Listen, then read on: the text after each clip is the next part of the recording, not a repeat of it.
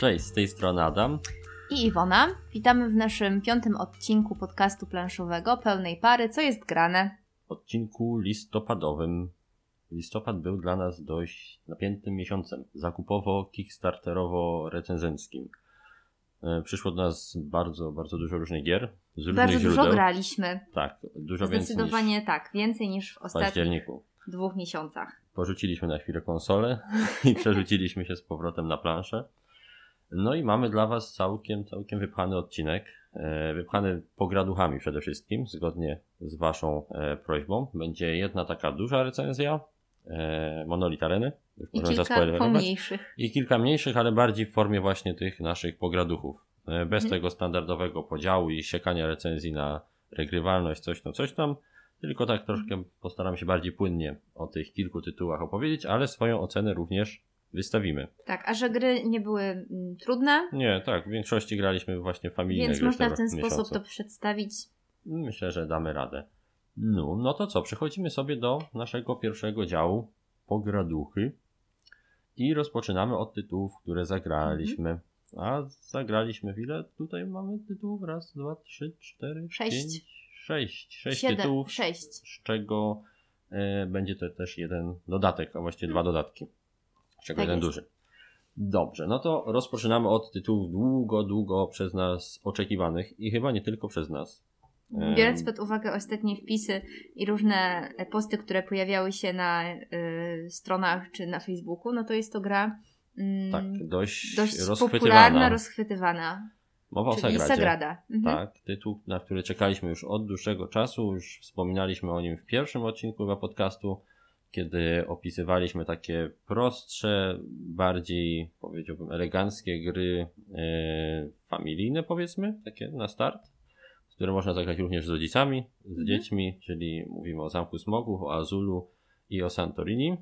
E, I tą pozycję można podciągnąć pod tak, tak. tą Ona się kategorię. pięknie wpisuje w tamte właśnie takie wejściowe gry, tak? Czyli Gateway, takie brama Mhm. do świata planszówek. Mm, Czym jest Sagrada? Czym jest Sagrada? Jest grą kościaną, e, Mhm. tak można powiedzieć, a właściwie takim kościanym puzzlem. Czyli tak, Kościano-logiczna. tak, kościano-łamigłówkowa gra, zgadza się, gdzie staramy się ułożyć e, witraże na wzorze, który otrzymaliśmy mm, przy przygotowaniu rozgrywki. Mhm. E, gra jest pięknie wykonana, odwołuje się do Sagrady Familii Gaudiego e, i faktycznie klimat tworzenia witraży tak lekko się nawet utrzymuje, bo zasady troszkę troszkę tutaj e, starają się ten klimat utrzymać, tak? Mamy kilka takich elementów, które e, wpisują się w tworzenie jakby witraży właśnie. I te kosteczki są bardzo ładne, bo są przeźroczyste. Ja Tak. bardzo lubię, jestem fanką przeźroczystych No kosteczek. bardzo, a bardzo tutaj ładnie wyglądają. Jest kilka kolorów, bardzo ładnie to wygląda. Szczególnie w słońcu, kiedy się gra, Mhm. to bardzo ła- ładnie się to odbija wszystko. A mimo wszystko nie traci, nie traci to na e, czytelności, tak? Mhm. Jedynie mm, granie w Sagradę w sztucznym świetle, słabym sztucznym świetle, no może być problematyczne, bo wtedy te kolorki się trochę zlewają. Mm, Jak jest ciemne tło. No jasne się zlewają. Prześwituje to. Nie zlewają się. Zlewają się, bo Nie, ty, zupełnie siedzi- nie. ty siedziałaś przy lampie, Iwona, jak Zupełnie graliśmy, a ja nie zlewa, miałem... To jest kwestia subiektywnego e, Postrzegania barw. postrzegania barw i kolorów. E, ewidentnie u Adama jest tym problem w niektórych odcieniach, typu brąz, zieleń i pomarańcz, No, ale tam nie ma tych kolorów, Iwona. ale są. Ale są ciemne te kostki. Dobra, ja nie, Dobra. Nie, nie będziemy się kłócić. Jeżeli gracie z facetem, to on ma minus dwa punkty do końcowego wyniku, jak posadzicie go przy świeczce, a nie Mhm. przy porządnej lampie. Więc miejcie to na uwadze. Jak przegraliście, to się tłumaczcie. Nieprawda. Iwona udusza cię po tym nagrywaniu. No dobrze. E, Pomijając ten e, subiektywny problem, e, Sagrada jest bardzo fajną, szybką grą. Rozgrywka przebiega w turach. Mhm. Każda tura zaczyna się od losowania kilku kosteczek w zależności od liczby graczy. I tu jest ten taki mały feller Sagrady, bo gdy gramy w mniej osób, to tych kosteczek losujemy odpowiednio mniej. E, Na dwie osoby to jest pięć kostek, Mhm. na trzy osoby bodajże dziewięć. I jak niełatwo... Siedem jak, chyba. Albo siedem. Mhm. Jak łatwo się domyśleć, e, nie wszystkie kosteczki z woreczka wyjdą, a nasze cele prywatne do realizowania w czasie rozgrywki dotyczą kolorów kości. Więc bardzo możliwe, że grając dwie osoby będziemy w tyle przez to, że nie dolosowały się nasze kolory kości. więc nie mogliśmy tego na tym celu więcej punktów ugrać, a ten cel dotyczy y, liczby oczek na kostkach na naszym kolorze, tak? Mhm, tak. Czyli jeżeli wylosujemy w czasie rozgrywki dwuosobowej kostek bodajże 40, bo tam jest 10 rund po 5 kości chyba, Mm, czyli 50, tak? 50. 10 rund po 5, no 10 rund po 5 kości, 50, no to z 90 kostek 40 nie wejdzie. Patrząc, że każdy kolor ma 18 kostek w zestawie, no to jest szansa, że, że sporo naszych ko kostek po prostu się nie pojawi, więc tutaj w dwie osoby wydaje się nam, że Sagrada troszeczkę nie działa gorzej, jeśli chodzi o ten samy mm, główny element gry, czyli układanie, natomiast losowanie kostek może być troszkę gorsze i faktycznie jest. Jak graliśmy, sprawdziliśmy to, w trzy osoby Trzy już się osoby grało było dużo lepiej. lepiej. Już Mhm. był większy wybór tych kostek i, i można było trochę bardziej pogłówkować, którą kostkę zabrać, a której nie. Natomiast y, no, dwie nadal działa, jeżeli wywalimy te cele kolorowe. Naszym zdaniem fajniej jest rozlosować po prostu po jednym celu podstawowym każdemu, żeby miał, niż e, żeby dawać mu te cele kolorowe. Może dodatki coś zmienią w tym, w tym zakresie, natomiast jest taki mini minus, który można łatwo sobie naprawić, więc nie Taki będzie, on, mini-mini. tak, nie będzie on mocno wpływał na, na nasze odczucia względem tej gry. E, wspominaliśmy też o kilku takich fajnych smaczkach tematycznych i jednym z nich jest na przykład to, że trzeba zacząć od krawędzi witrażu, czyli nie można gdzieś tam od środka płytki wrzuci- wrzucić szklanej, tylko trzeba Mhm. od ramy zaczynać, więc to jest bardzo fajne. I narzędzia, które e, są używane przy tworzeniu witraży są tutaj kartami specjalnymi, które pozwalają użyć jakichś specjalnych zdolności, więc też fajnie, że jakoś tam się zagłębiono lekko przynajmniej w temat i opisano te karty w miarę tematycznie, mimo że mocno to jakoś na klimat nie wpływa. No i tak to sobie gramy, układamy sobie te witrażyki na naszym, e, na naszej karcie, na naszej podkładce e, prezentującej takie witrażowe okno, gdzie wkładamy wzór, który wybraliśmy sobie na początku gry. Każdy E, wzór ma określony poziom trudności. Trudności, tak. Więcej kombinowania jest przy tych dużo trudniejszych, a te prostsze po prostu dają nam wię, większe pole do manewru. Nie Mhm. są tak ściśle związane z pewnymi restrykcjami, bo układając właśnie te kostki i rozwiązując tą taką e, łamigłówkę kostkową, e, która przed nami jest, musimy się stosować do kilku zasad. Nie możemy kłaść kostki takiej samej, e, takiego samego koloru obok siebie, ani takiej samej wartości obok Mhm. siebie. Jedna z tych zasad zawsze musi być spełniona, w sensie, żeby móc położyć je ścianką obok. Więc e, nie jest to takie proste, jak się wydaje. Może się wydawać, że to jest takie po prostu układanie kosteczek, ale kiedy się nam ta planszetka zacznie zapełniać, To jest coraz mniej możliwości. dokładnie, i trzeba uważać, żeby sobie nie poblokować kości. Mhm. Gra jest fajna do grania z dziećmi, tak mi się wydaje, troszkę starszymi, bo Mhm. uczy takiej logicznej, e, logicznego eliminowania mm, pewnych błędnych decyzji. E, nie możemy się po prostu zablokować za mocno, bo wyjdzie nam zaraz, że na danym polu możemy położyć tylko kostkę dwójkę, która nie jest e, koloru żółtego, czerwonego ani niebieskiego, więc trzeba po prostu na stałe obliczać to sobie i myślę, że to dość fajnie właśnie wpływa na takie e, rozwojowe kwestie, jeśli chodzi o, o logiczne myślenie, o eliminowanie pewnych e, złych opcji. Więc Sagrada jak najbardziej na plus. E, Wydaje mi się, że względem Azula jest troszkę ciekawszy ten wybór tych, tych płytek i ciekawsze jest Mhm. ich te lokowanie, bo w Azulu zawsze po prostu lecimy i wrzucamy do tych kolejek e, płytek. Są tam jakieś decyzje, ale jest ich myślę mniej niż e, przy w Sagradzie. umieszczaniu na Sagradzie, Mhm. tak, na tych, na tych e, podkładkach. No, no i to jest w sumie mniej więcej tyle, jeśli idzie o Sagradę. Bardzo proste zasady. Tak, dla osób, które wcześniej no, nie, nie miały styczności z jakimiś trudnymi grami planszowymi, to myślę, że bez Jak problemu. najbardziej. W, w ostatniej rozgrywce moja mama ze mną zremisowała, a jej doświadczenie z planszówkami nie jest zbyt duże. No, grała w Ingenius, Blokusa, e, Azula, Santorini e, Santorini, e, Tajniaku, więc takie lekkie dość gry. Sagradą bez problemu sobie e, poradziła przy takim e, pierwszej rozgrywce z powiedzmy troszkę z podpowiedziami w czasie rozgrywki, jak zasady powinny działać i, i było całkiem w porządku. Nie używaliśmy za dużo narzędzi, bo po Mhm. prostu nie było to potrzebne. Narzędzia są bardzo kontekstowe, to są takie specjalne płytki, których sobie używamy w czasie, e, w czasie rozgrywki, żeby namieszać z kostkami. No bo Mhm. trzeba tutaj e, podkreślić, że w Sagradzie nie mamy zbyt wielkiego wpływu na to, e, jakie są wyniki na kostkach, tak? I jakie kostki się pojawiły. Możemy tylko dwa do trzech razy, to w zależności od tego, jaki witraż sobie wybierzemy, jaką trudność, użyć takich specjalnych żetonów. E, jak one się nazywały żetony? Nie przysług, tylko chyba jakiegoś tam poklasku. Nie, nie pamiętam Nie teraz jak się nazywa. W każdym razie takie żetoniki, które e, pozwalają nam skorzystać właśnie z kart narzędzi. I to te karty narzędzi wpływają na to, czy przerzucimy kostkę, przestawimy ją gdzieś, przepchniemy i tak dalej. Więc Bardzo ładne są te żetoniki. tak, żetoniki takie- są ładne, ale no, Perłowe. tak, bardzo ładne żetony pana. Piękne. Mhm. Natomiast jeśli chodzi o kwestię mechaniczną, bo to myślę tutaj jest troszkę ciut ważniejsze, to jednak mm, no fa fajnie by było, gdyby gdybyśmy mieli więcej wpływu na to, jakie kostki układamy. No bo bez tego tak naprawdę Sagrada trochę dyktuje nam to, jak rozgrywka wygląda tymi kostkami, które są wyrzucane. Jedziemy po takich jakby lekkich szynach. Oczywiście podejmujemy decyzję, jaką kostkę wybrać i gdzie umieścić, natomiast nie możemy za bardzo nic więcej z nią zrobić, więc jesteśmy troszkę przyparci tak do muru tym, co akurat wypadło z woreczka. Natomiast w Azulu było to samo, też nie Mhm. mieliśmy wielkiego wpływu.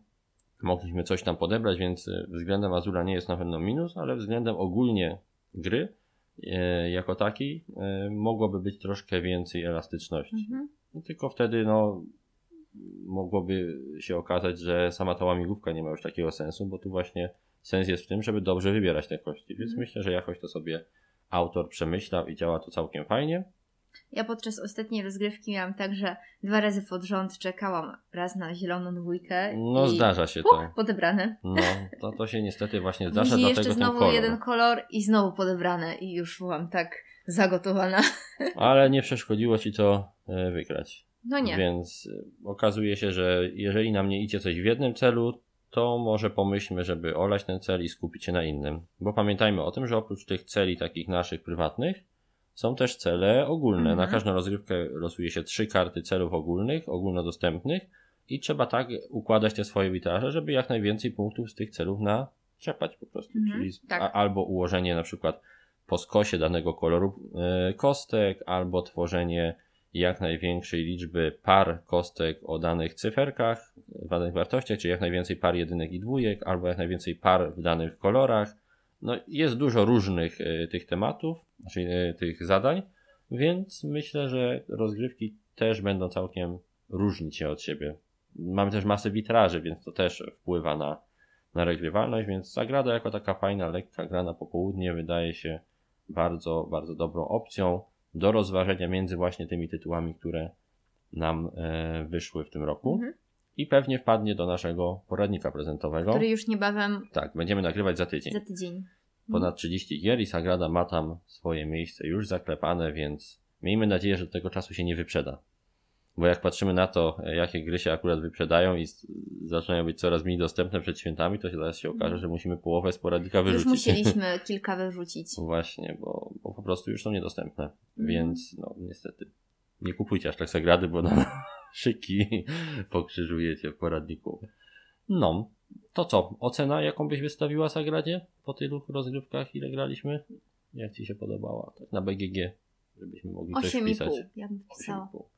Ja, ja jako y, nierozróżniający kolorów dam ósemkę.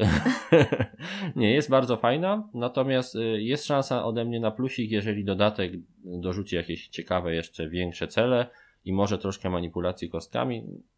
Jest tutaj pole do, do popisu, jeśli chodzi o modyfikacje Mhm. jeszcze, więc daję na start takie solidne 8 i chętnie jeszcze w tą grę zagram, ale już u rodziców, bo grę przekazaliśmy mamie Mhm. jako prezent, bo na pewno będzie im dłużej i intensywniej służyć niż w naszej kolekcji, to jest przepakowana innymi tytułami, więc zagrada świetna właśnie na prezent dla rodziców, dla znajomych, którzy nie grają aż tak dużo, a chcą się po prostu dobrze bawić.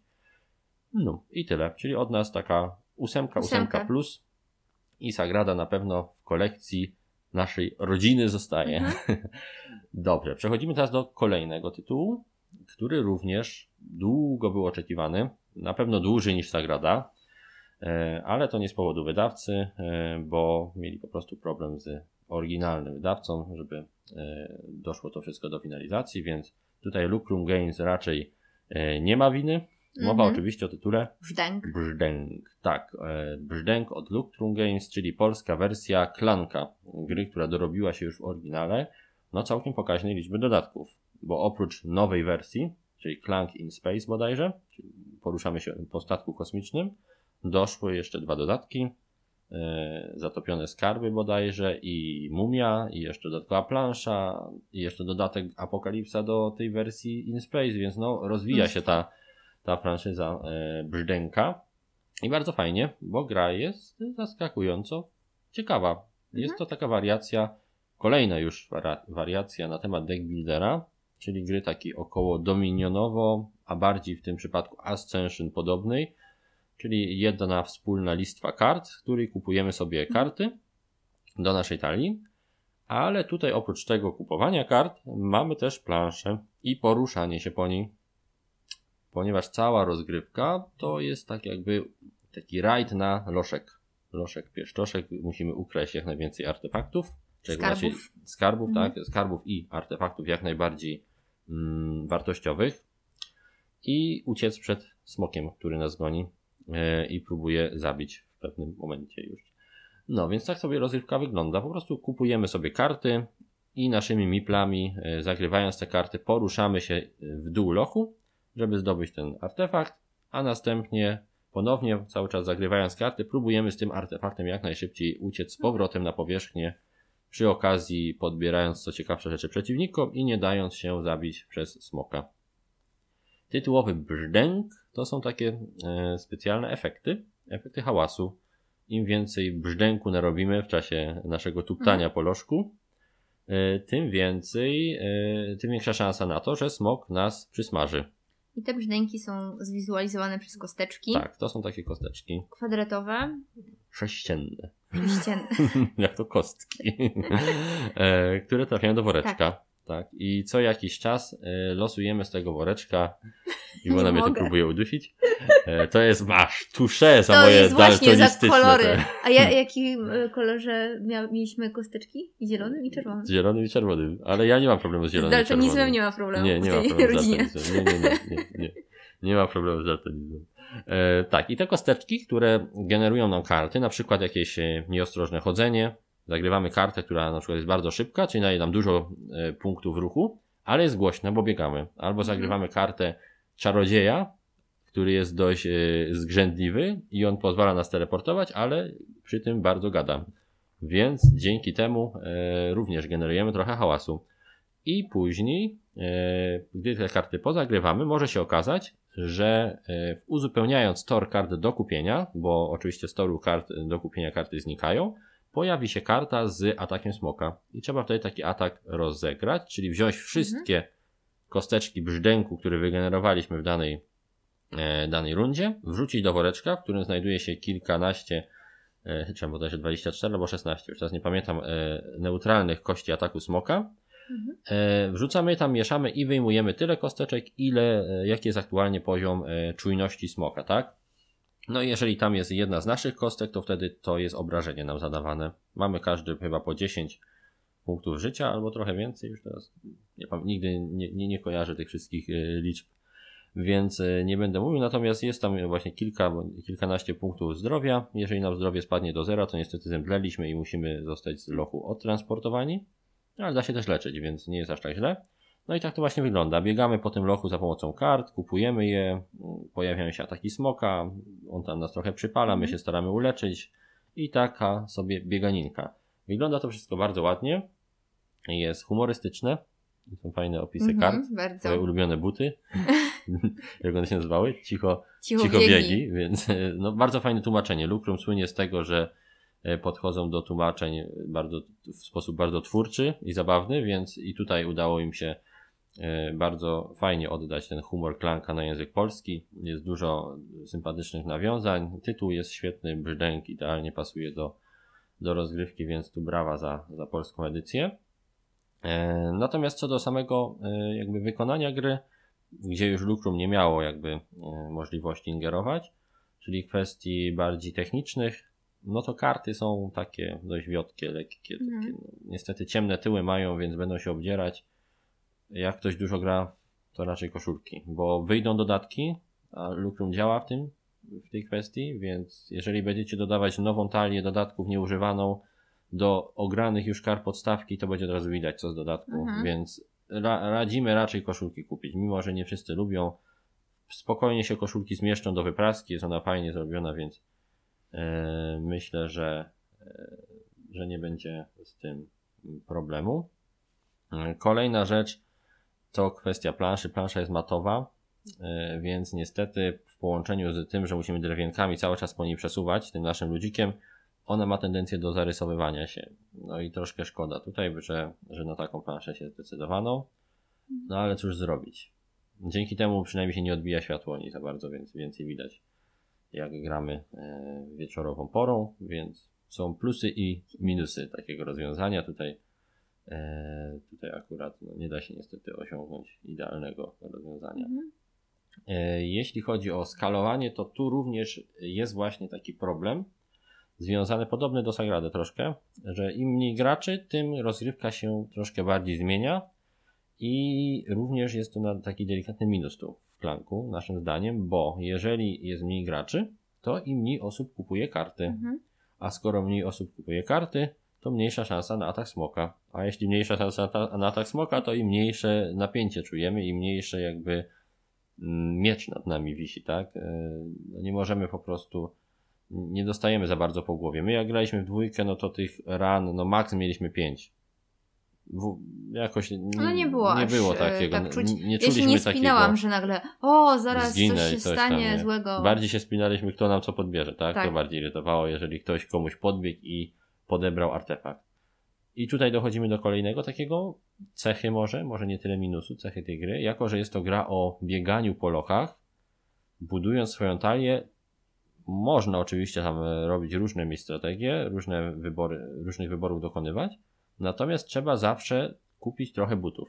Mhm. Trzeba mieć w talii trochę kart do biegania bądź do teleportacji, Bo możemy inaczej- utknąć w miejscu. tak, jesteśmy Nie ruszymy się. w kropce, tak? Musi, tu trzeba działać szybko, więc mimo wszystko y, ta gra nieco bardziej wymusza pewne konkretne kupowanie kart niż inne deck buildery, które znam.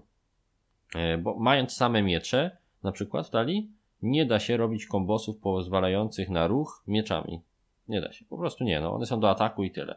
Trzeba używać tego zasobu, jakim jest e, stopka, szambucik, żeby Mhm. móc się po lochu poruszać. Więc jest to taki no, minus względem tych, którzy lubią mieć pełną dowolność budowania talii. Tutaj trzeba zawsze w tym jednym kierunku chociaż trochę iść, żeby, żeby no, nie, za, nie zastopować się gdzieś. No, poza tym rozgrywki są całkiem regrywalne. Talia jest dość pękata, jest tam sporo różnych potworów, skarbów. Mhm. Yy, są dwie strony planszy. O właśnie, to jest bardzo ciekawe. No, jedna jest taka familijna, gdzie nie ma aż takiego napięcia, nie ma aż takiej trudności w poruszaniu się między komnatami, Mhm. prawda? Bo nie, nie ma tam chyba tych e, aż tylu e, czaszek potworów, które trzeba zbijać, ani aż tylu symboli e, tych od, no, stópek, tak? Czyli od, odbitych butów, które wymagają od nas e, wy, wydawania więcej Ruchu. na ruchu, na ruch. Jest troszkę chyba mniej tych jaskiń lodowych, które nas zatrzymują i nie możemy się dalej ruszyć e, i bardziej roz, zbite są no, stragany, bo w lochach są Mhm. też stragany, które pozwalają kupować pewne przedmioty. W tej wersji bardziej gamerskiej one są rozbite pojedynczo w różnych miejscach, w tej wersji rodzinnej w jednym miejscu są. Więc ta wersja rodzinna jest takim samouczkiem dla graczy i wersją docelową dla, dla dzieci na Mhm. przykład. Natomiast ta wersja bardziej złożona tyl, z tyłu planszy, no już jest dużo ciekawsza i fajnie się e, te rozgrywki toczą. Moim zdaniem przynajmniej na tej wersji właśnie e, zaawansowanej, można powiedzieć. No, no i to tak mniej więcej wygląda ten brzding. E, Jest całkiem fajny, e, regrywalny zdecydowanie. Bardzo dużo humoru. Im więcej graczy, tym lepiej, bo jest więcej podbierania śmiesznych sytuacji, więc zdecydowanie skalowanie raczej bym szedł w górę niż w dół, żeby kupować. Da się przyjemnie zagrać dwie osoby, ale trzeba mieć na uwadze to, że będzie mniejsze napięcie. Mi się bardzo podobało, to znowu w takim stylu tych buildingów w czasie rzeczywistym, No, że trzeba te jest, karty sobie nie trzeba talii robić. tak, optymalizować e, w czasie rozgrywki i Pod to, co się dzieje, tak? Co przychodzi, Tak. trzeba wybierać taktycznie, e, jakąś tam strategię mieć, w jakim kierunku idziemy, ale trzeba też reagować taktycznie na to, co dochodzi, kupować i tak dalej. No jest to fajna gra, myślę, że nie bez powodu ma tyle dodatków w tej chwili i nie bez powodu praktycznie nakład się znowu mhm. kończy, więc mimo, że trafia do naszego poradnika, który podamy, może się okazać, że i nie kupicie. Nie kupujcie jeszcze. tak, nie kupujcie jeszcze, albo już kupcie. Poczekajcie bo może nie starczyć. No, więc y, bardzo, bardzo, bardzo fajny tytuł. Na taką myślę, ponownie, ja daję taką solidną ósemeczkę. A ja dziewiąteczkę. No, proszę, jakie Tak, to mi się to tak fajnie Rzutem grało. na taśmę. Mhm. Jak jakaś gra e, powoduje, że e, kiedy chce mi się spać, nagle przystaje się, to. To tak, to, to znaczy, jest, że, że, jest dobrze. Jest tak, tak dobra. Poza tym, jeżeli w jakiejś grze wygrywam z Adamem, dostaję od razu tak, plus jeden tak, do oceny. Gra wtedy mam plus jeden do oceny. No, oczywiście jest to żart. E, jeśli chodzi o moją ocenę, to ósemka dlatego, bo liczę na dodatki. Sama podstawka, mimo że fajna, dla mnie troszkę troszkę za mało jest tam różnorodności, tak? I można sobie fajnie pograć, jest spoko, natomiast gdybym ją katował, a no, nie oszukujmy się, nie wszyscy mają kolekcję gier po 200 tytułów, będą wyjmować ten tytuł częściej, to może im się to po prostu ograć e, szybciej niż by tego chcieli. Dlatego ja daję ósemkę i czekam na dodatki z niecierpliwością. Jeżeli ktoś jest bardzo, bardzo, bardzo, bardzo niecierpliwy mm -hmm. i chciałby kupić już jakiś dodatek do polskiej wersji, to jedynym kompatybilnym dodatkiem jest dodatek z dwoma planszami. E, znaczy z dwustronną planszą. Sam, są tam zasady pająków, sieci, e, jest troszkę, są nowe miple w kształcie krasnoludów, troszkę inna plansza, więc troszkę inaczej się też gra. I jest on w pełni kompatybilny z wersją polską, ponieważ nie posiada kart. Musicie pamiętać o tym, że polska wersja ma na rewersach kart napis brzdęk, nie klank, więc nie połączycie jej z dodatkami angielskimi, chyba że kupicie koszulki, które mają e, ciemne tyły. Tak. Więc jedynym dodatkiem, który mo moglibyście rzutem na taśmę kupić jest właśnie ten z planszami. On kosztuje około 50 chyba paru złotych. Ale jest też informacja, że on wyjdzie po polsku prędzej czy później, więc spokojnie, jeśli się wam nie śpieszy, to nie musicie kupować e, już dodatku do, do brzdęka. E, brzdęk jest do kupienia za około 130 zł. O Sagradzie nie powiedzieliśmy, około 100 zł kosztuje. Tak, Sagrada. E, a brzdęk 130. E, myślę, że to jest rozsądna cena, mm, patrząc na ceny innych deck builderów, jak Dominion na przykład. Tu mamy jeszcze planszę, więc 130 zł jak najbardziej do, do wydania na ten tytuł i powinniście być zadowoleni. Czyli średnia ocena wyszła 8,5. Tak, średnio 8,5 i polecamy Brzdęka. Bardzo, bardzo fajny tytuł, sympatyczny, bez jakiegoś takiego, be, bez takiej powiedzmy przemocy wielkiej mhm. przy planszy, bez negatywnej interakcji silnej, co najwyżej można coś komuś podebrać, więc myślę, że się spodoba, szczególnie dzieciakom, które są jakieś tam zajarane na fantazy, to mhm. powinno, powinno wszystkim podejść. No i jedziemy dalej. Mamy teraz Piktomanię. Och, moja ulubiona Pi gra do rysowania. Tak, tak mm -hmm. zgadza się. Piktomania to jest jedna z naszych ulubionych gier, takich troszkę powiedzmy party, Mhm. Powiedziałbym bardziej urodzinowych, bo nasze partie nie są zbyt huczne. Raczej e, sobie lubimy posiedzieć i pogłówkować, więc ta piktomania jest takim jakby tytułem, który nie jest aż tak e, e, rozwrzeszczany jak na Party Games, ale już jest odpowiednio zabawny i nie, nie, murz, nie murzymy przy nim, tak? bo jest to gra, gdzie rysujemy. Używamy długopisów, flamastrów w tej wersji, którą dostaliśmy do recenzji, w tej nowej Pictomanii 2, czy jak ona się tam nazywa, Second Edition. Mhm. Chociaż e... dla mnie rysowanie to zawsze jest też Tak, dla, dla Iwony jest to tak. O jest. Iwony jest to... Nie, dla mnie. Poważne zdanie. Oh. Iwona rysuje takie ideogramy, bym bardziej powiedział, niż rysunki, mhm. więc no... Jest ciekawie, jeśli gramy z nią w Pictomanie. E, natomiast na czym polega ta gra w ogóle? E, po prostu są to takie rysunkowe kalambury. Pierwsza wersja posiadała takie e, stojaczki na kartę, na aż 6 bodajże kart.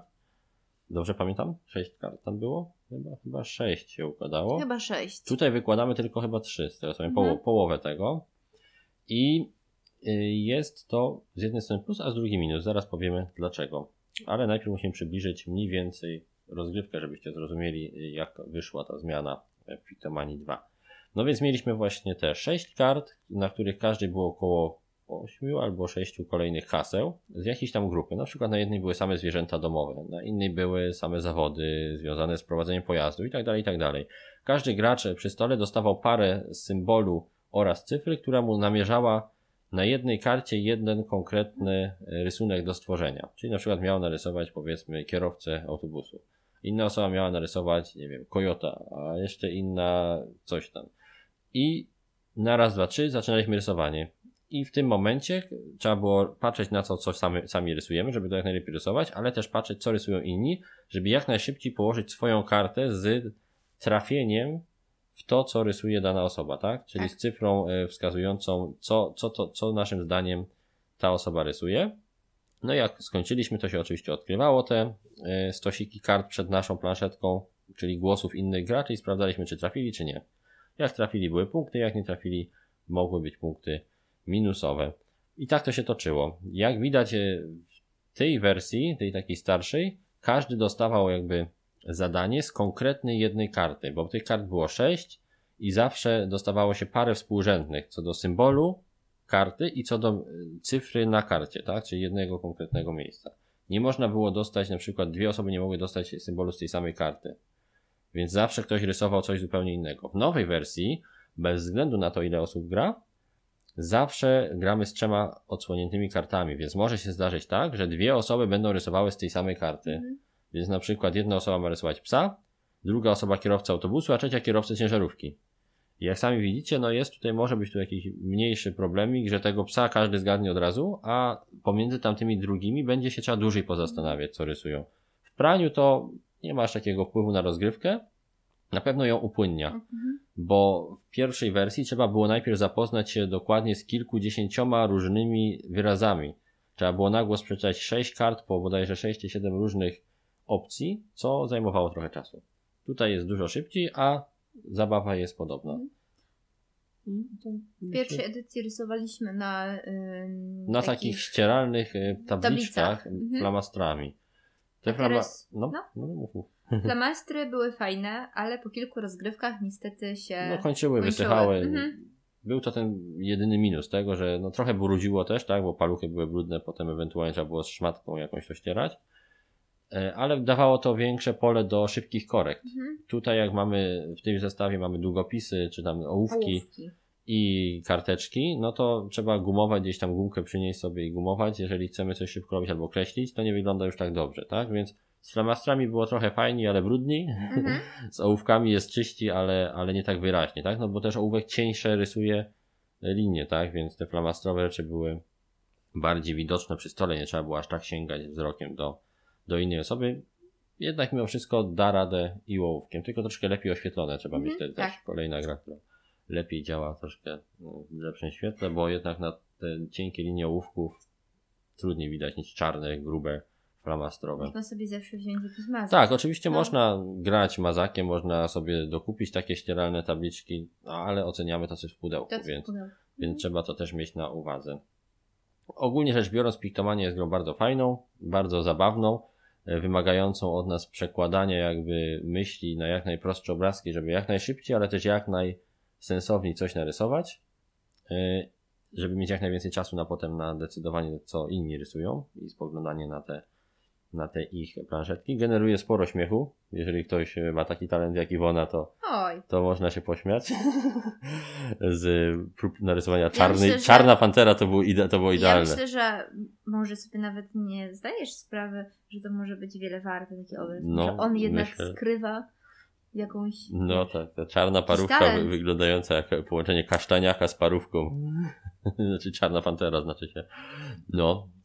Więc jeżeli macie talent do rysowania, Mhm. bądź znacie kogoś, kto nie ma talentu, kupcie mu piktowanie, Ja będzie ubaw. Stworzona do innych rzeczy niż do O malowania. tak, oczywiście, to zdecydowanie. Jestem w stanie. Kiedyś znajdziemy. O, Te ukryte talenty. Odcinek taki jest Szyderczy. trochę szyderczy. Trochę, trochę tak nam wychodzi, no ale no, cóż, takie rodzinne family games to, to, to tak wyszło. Tak, w każdym razie polecamy Piktomanię, jest bardzo fajna, jest, jest dość tania. 58 zł za to pudełeczko, w którym jest bardzo dużo kart, więc y, szansa na to, że się znudzą jest raczej niewielka.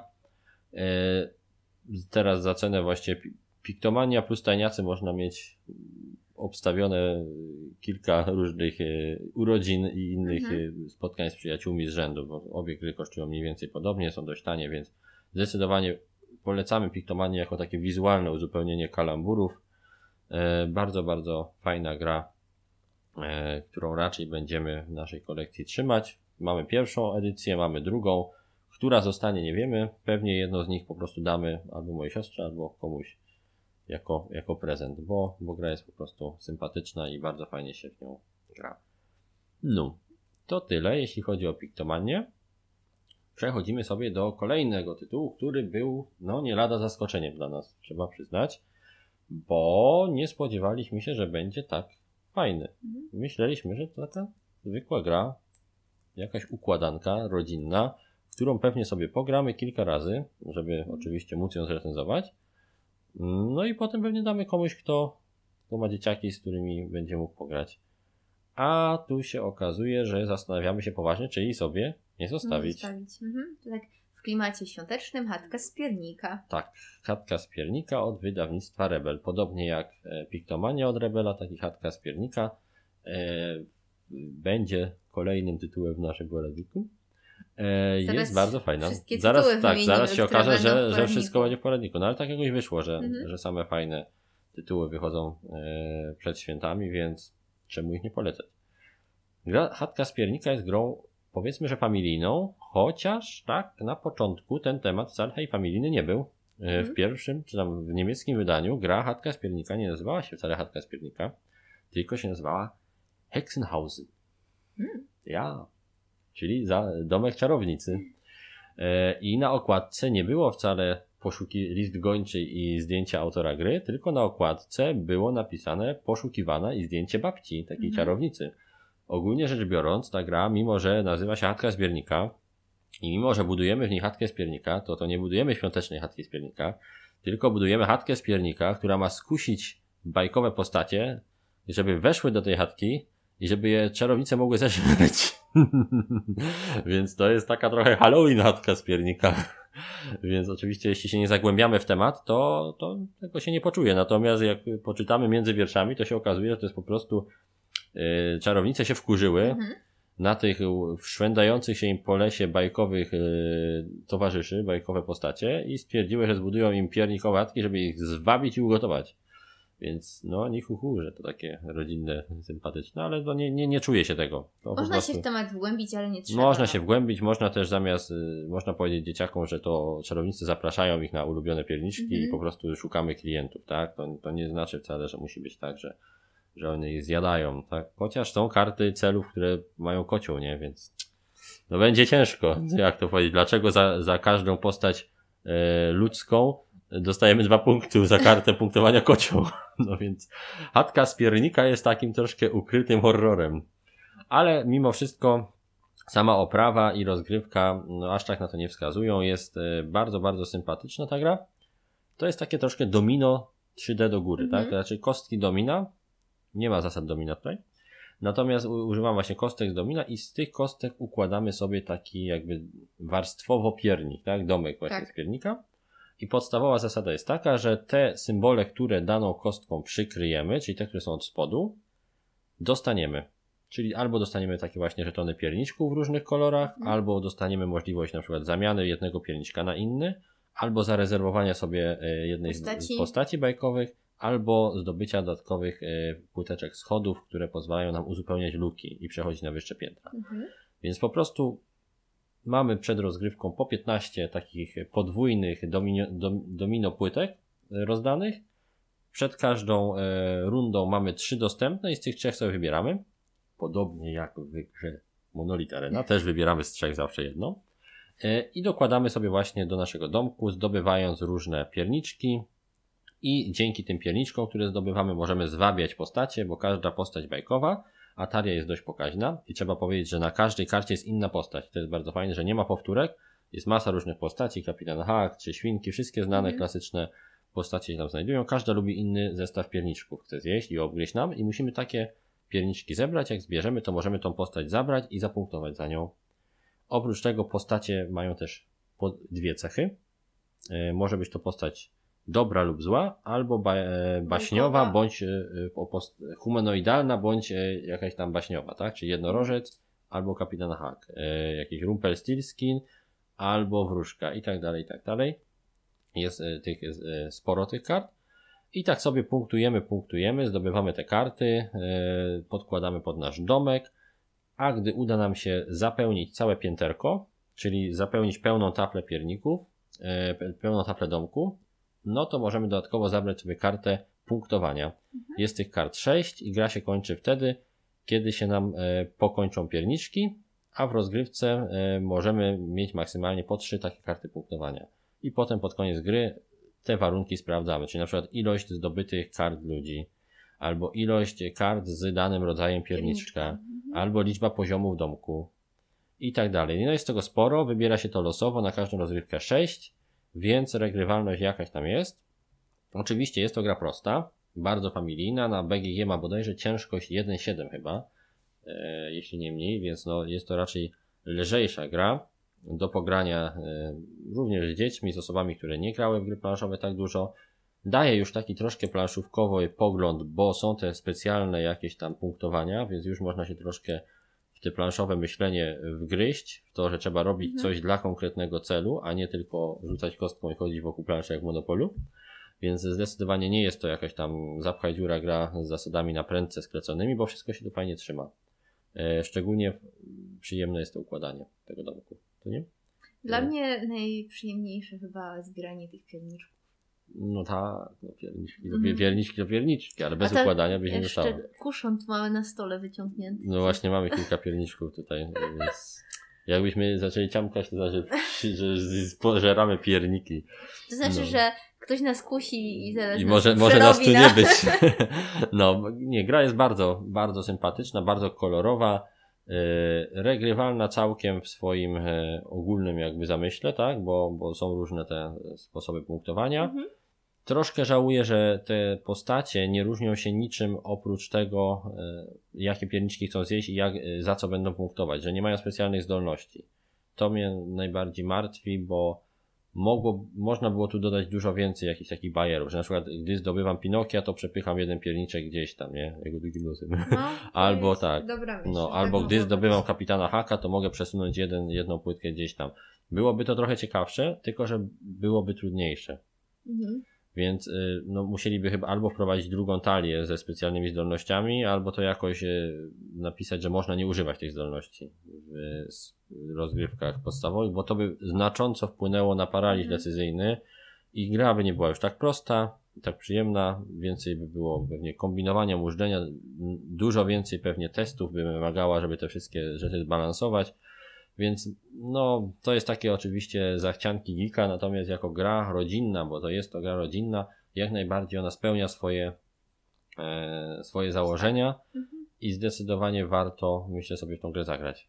Tak jak mówiliśmy, wahamy się, nie? Czy, czy ją po prostu ja chyba bym od, oddać zostawić. koledze, który dzieciakami będzie grał, czy Aha, po prostu mu polecić, żeby sobie Nie kupił. wiem. Pomyślimy jeszcze, natomiast no przyjemnie się nam to po prostu strasznie grało, przypomniały nam się te stare planszówki, które nie wymagały tony zasad, żeby być fajne. Chyba najbliżej mi to talówę przypomniało, gdzie też się pewne rzeczy przykrywało i, i, i, takimi właśnie grubymi płytkami e, podobnie nam się troszeczkę w to grało. Czyli to są dwie różne gry, natomiast jakby takie wrażenie miałem, że też właśnie coś sobie tam buduję do góry i dzięki temu mogę robić różne rzeczy. Więc no zdecydowanie polecamy chatkę z piernika, mimo że taka jest mała, niepozorna, to bardzo przyjemnie się nam w nią grało i jest chyba jednym z takich fajniejszych pomysłów na prezent dla dzieci przede wszystkim. Myślę, że nie przestraszą się tych wiedźm i, i, i zjadania e, pierniczków. Tak, tak mi teraz przychodzi do głowy, że ta chatka z piernika to jest tak troszkę jak baśnie Basi Grimm. Tu się nam wydaje, że to baśnie, że coś tam fajne, a tam sieczka, mordy. Więc no tak troszkę ba ba baśniowo zalatuje tutaj w tej chatce z piernika. Więc y, ode mnie będzie to jako gra rodzinna 8. Ponownie 8. Mm, niżej bym nie dał. Iwona?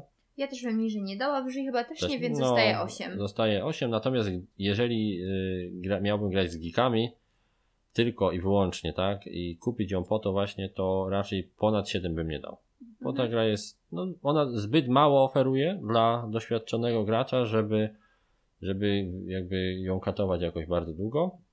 Nie jest jakoś bardzo droga, bo kosztuje około 98 zł, więc to jest taki dzisiejszy średni standard już planszówki. Jest tam całkiem sporo elementów, są one grube, więc z dziećmi granie nie powinno ich uszkodzić, bo płytki są takie naprawdę solidne. Karty są ładnie ilustrowane, jest dużo ilustracji, więc też tutaj e, jakiś wkład tych autorów był. Nie kopiowali tego 10 razy. Jest sporo kart punktowania, a myślę, że nic nie stoi na przeszkodzie, żeby sobie nawet własne wymyśleć karty punktowania za coś innego, więc gra jest dość otwarta na, na taką modyfikację. Myślę, że warto, warto chociaż spróbować, bo jest tak, no dość ciekawa. Nie ma aż Mhm. tak wielu gier, które y, dają nam takie poczucie układania takich puzli i zdobywania. Chyba Ubongo 3D też daje takie e, przyjemne e, wrażenie tworzenia jakiejś takiej struktury sobie. Więc myślę, że zdecydowanie warto chatce z piernika dać szansę, mimo że daje się taka niepozorna dość. No, no i to z tych takich jakby głównych naszych premier prawie wszystko. Teraz jeszcze przejdziemy sobie do dodatku do gry 7 Siedem cudów, czyli do e, jednej z no, najbardziej lubianych przeze mnie takich gier lekkich do pogrania, jak, jak jest wiele osób przy stole. Mhm. Czyli tak zwanych gier, które nie zagramy zbyt często. Bo niestety jakoś takie Ale też okazji. graliśmy w Siedem Cudów Tak, na dwie graliśmy. osoby i też było Też było fajnie. ok. Jest to, tylko mówimy o tych 7 cudów, 7 cudów, nie, nie o pojedynku. o Aha, tych ogólnych, okej. tak. Graliśmy w 7 cudów na dwie osoby kilka razy. Nawet sobie przypominam tą rozgrywkę, e, którą prowadziliśmy. 7 cudów na dwie osoby działa w ten sposób, że jest tam gracz tak zwany e, neutralny, tak? Który, którego obsługują obydwaj gracze przy stole. Gra się bardzo mocno zmienia, to już nie jest ta sama rozgrywka co normalne 7 cudów, dlatego nie jest to gra, którą typowo się gra w dwie Mhm. osoby. I ten dodatek jest tego w pełni świadom, bo on nawet nie pozwala rozgrywania e, partii z nim w dwie osoby. Jest to dodatek od 3 do 5 graczy, więc zdecydowanie w dwójkę nie pogramy. Troszkę smutno, bo przez to i my rzadziej w ten dodatek zagramy, no ale cóż. Jest on, jest on na tyle dobry, że zdecydowanie warto dla niego poszukać sobie znajomych do grania. Jest bardzo, bardzo fajny i co jest dużym plusem, to jest dodatek, który nie wymaga specjalnie innych dodatków. Nie integruje się też z nimi jakoś super, nie daje tam żadnych jakby bonusów za posiadanie innych, ale jeżeli nie jesteśmy kolekcjonerami dodatków, to możemy kupić ten jeden i cieszyć się naprawdę mocno zmienioną grą 7 cudów. Więc jest to taki dodatek jakby tworzę. Iwona, ty i te krymy. Ups. Siepiesz krymami. Bierz go. E, Jest to dodatek, e, który został stworzony tak jakby z myślą o tych osobach, które chcą dodać coś fajnego do podstawki i na długo, długo mieć inną, odświeżoną rozgrywkę w 7 cudów. Więc zdecydowanie od, od tej strony jest wart zakupu. A dlaczego? A no dlatego, że wprowadza specjalne planszetki, planszetki portów bądź stoczni, stoczni, na których mamy e, możliwość budowania statków, czterech rodzajów statków. Statki odpowiadają podstawowym kolorom z siedmiu cudów i to są cztery kolory, które pamiętamy zarówno ze zwykłej wersji, jak i, jak i tej wersji e, dwuosobowej, czyli mamy kolor czerwony, Czerwony. dla floty, jak nie trudno się domyśleć, e, wojskowej, Wojskowej. Mhm. militarnej. Mamy kolor żółty, Do handlowej. tak, kojarzy się z monetkami. Mamy kolor floty zielonej, czyli takich odkrywców, Odkrywców. odkrywców jakichś tam zdobywców. I mamy kolor floty niebieskiej, dyplomatycznej. Mhm. Każda z tych flot y, odpowiada tym standardowym kolorom kart z siedmiu cudów i podobnie do nich y, pozwala y, na pewne dodatkowe akcje, które są wpisane jakby w kolor tej karty. Za każdym razem, kiedy po prostu sobie budujemy standardową kartę z siedmiu cudów, możemy dopłacić do niej dodatkowo i poruszyć się również stateczkiem na torze do góry. I za każde poruszenie są jakieś bonusy. Na flotach czerwonych jest to kwestia ataków. Na wszystkich graczy. I to nie ataków obok, gdzieś tam, tylko wypływamy na jakby. Można sobie tak wyobrazić, że ten ocean to jest ta, ta część stołu po środku, czyli która dotyka wszystkich, więc to jest też bardzo fajne, klimatycznie zrobione, na prostych zasadach. Łatwo sobie to e, wyobrazić, że dopłyniemy do każdego. Więc atakujemy tak jakby w potworach w Tokio wszystkich, nie? Każdego gracza. Więc to jest bardzo fajne, że trzeba się nastawić na militaria bardziej, bo no, jeżeli nasi sąsiedzi nawet się nie zbroją, to kto wie, czy ktoś z końca stołu do nas zaraz nie podpłynie i nam nie, nie klupnie, więc jest to fajne, bo wymusza trochę inne strategie.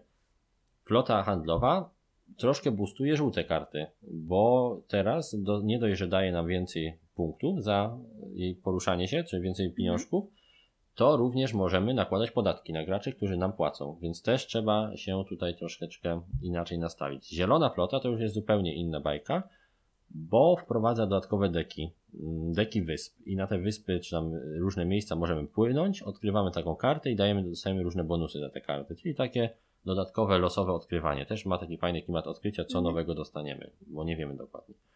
Dodatkowo mamy też niebieskie i one są najnudniejsze, bo podobnie jak niebieskie karty, tak i niebieska flota to jest flota przede wszystkim punktująca po Mhm. prostu. I tak to sobie działa.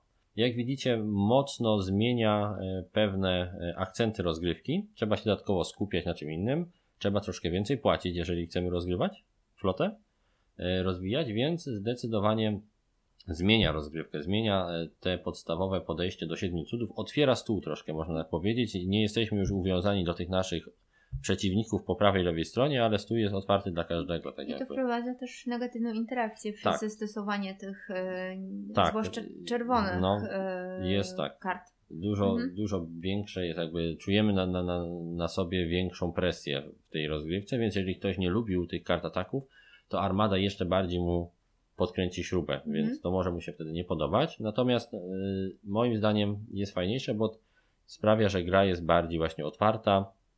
Czujemy, że gramy ze wszystkimi przy stole, a nie tylko z osobami, które sąsiadują z nami, więc zdecydowanie warto ją prowadzić.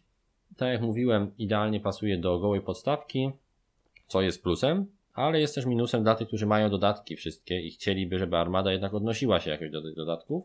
No ona się nie odnosi. Mhm. Ona do liderów nie ma nic wspólnego, do miast też nie.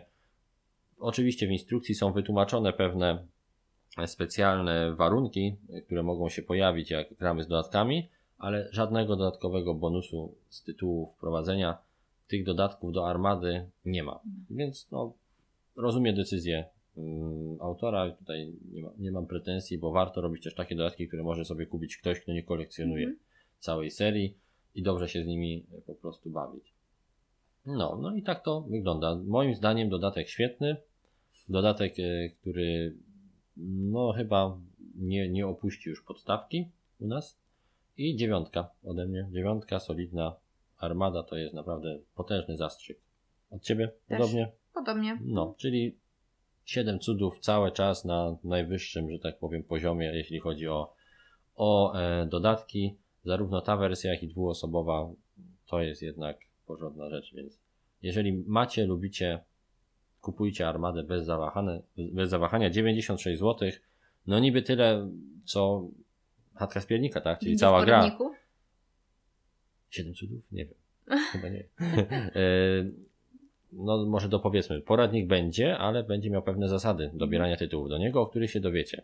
Więc nawet jeżeli pewnych tytułów nie ma w poradniku w tym roku, to przecież były w latach poprzednich, więc warto sięgnąć też do tych lat, z, do tych poradników z lat 2014, 15 i 16, bo tam była masa tytułów, innymi 7 cudów było już polecane, a nie chcemy aż tak mocno powtarzać. Ale polecamy. Jeżeli macie 7 cudów, to na święta kupić sobie dodatek do nich zamiast nowej gry. Nie będzie to głupim pomysłem, myślę. Dobrze, i teraz wracamy jeszcze do ostatniego elementu pograduchów, czyli naszego standardowego działu, który tutaj jest już od zawsze i je, będzie jeszcze przynajmniej Jeszcze jeden raz. trochę jeszcze. Jeszcze jeden, jeszcze Aż jeden. do nam- wyczerpania zapasów. Os- Tak, dokładnie. E, Zosta- zostanie nam jeszcze jeden dodatek do omówienia, więc wracamy do serii Dominion. Dominion.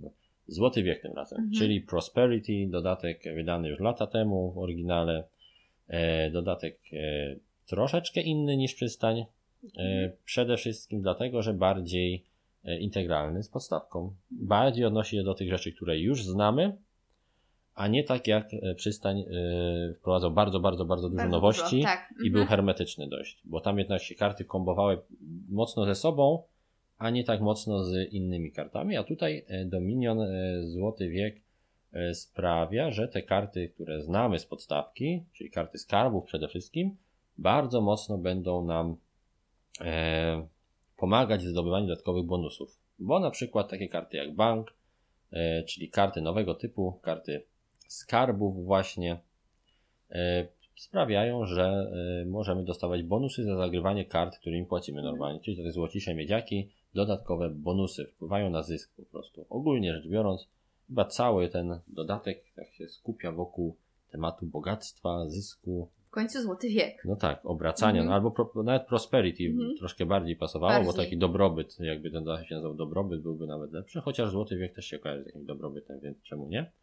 Chodzi o obracanie po prostu potężnymi sumami, tak? To jest taki Dominion Wilkes Wall Street, nie? Mhm. Po prostu Masz kasę i jedziesz dolarami na wszystkie strony. Zdecydowanie wszystkiego jest tu bardziej, nie? To jest taki o, over Mhm. the top Dominion, gdzie mamy kupę kasy, mamy tyle kasy, jest taka inflacja, że trzeba było wprowadzić nową walutę, platynę, żeby można było, żeby ci ludzie bogaci mogli sobie kupować platynę i trzeba było wprowadzić nowe karty zwycięstwa, kolonie, żeby można było wydawać tą kasiurę, bo po prostu toniemy w pieniądzach. Kąpiemy się nie w wodzie, a w to- pieniądzach. Dokładnie, to jest sknerus McQuatch po prostu. Bardzo fajny dodatek i to wcale nie wpływa na to, że gdzieś tam się nam gra rozjeżdża, nie, absolutnie nie. Po to wprowadzono właśnie te droższe karty, żeby tą e, jakby wielokrotność pieniędzy móc fajnie zagospodarować, więc fajnie jest tak dla odmiany w Dominionie nie ciułać, tylko Mhm. móc po prostu z przyjemnością wydawać i też mieć dobre kombosy z tego e, względu, więc zdecydowanie dobrze to wszystko tutaj działa. E, oprócz właśnie tych takich rzeczy karcianych, mamy też jakby fizyczną emanację bogactwa, bo mamy trochę żetonów.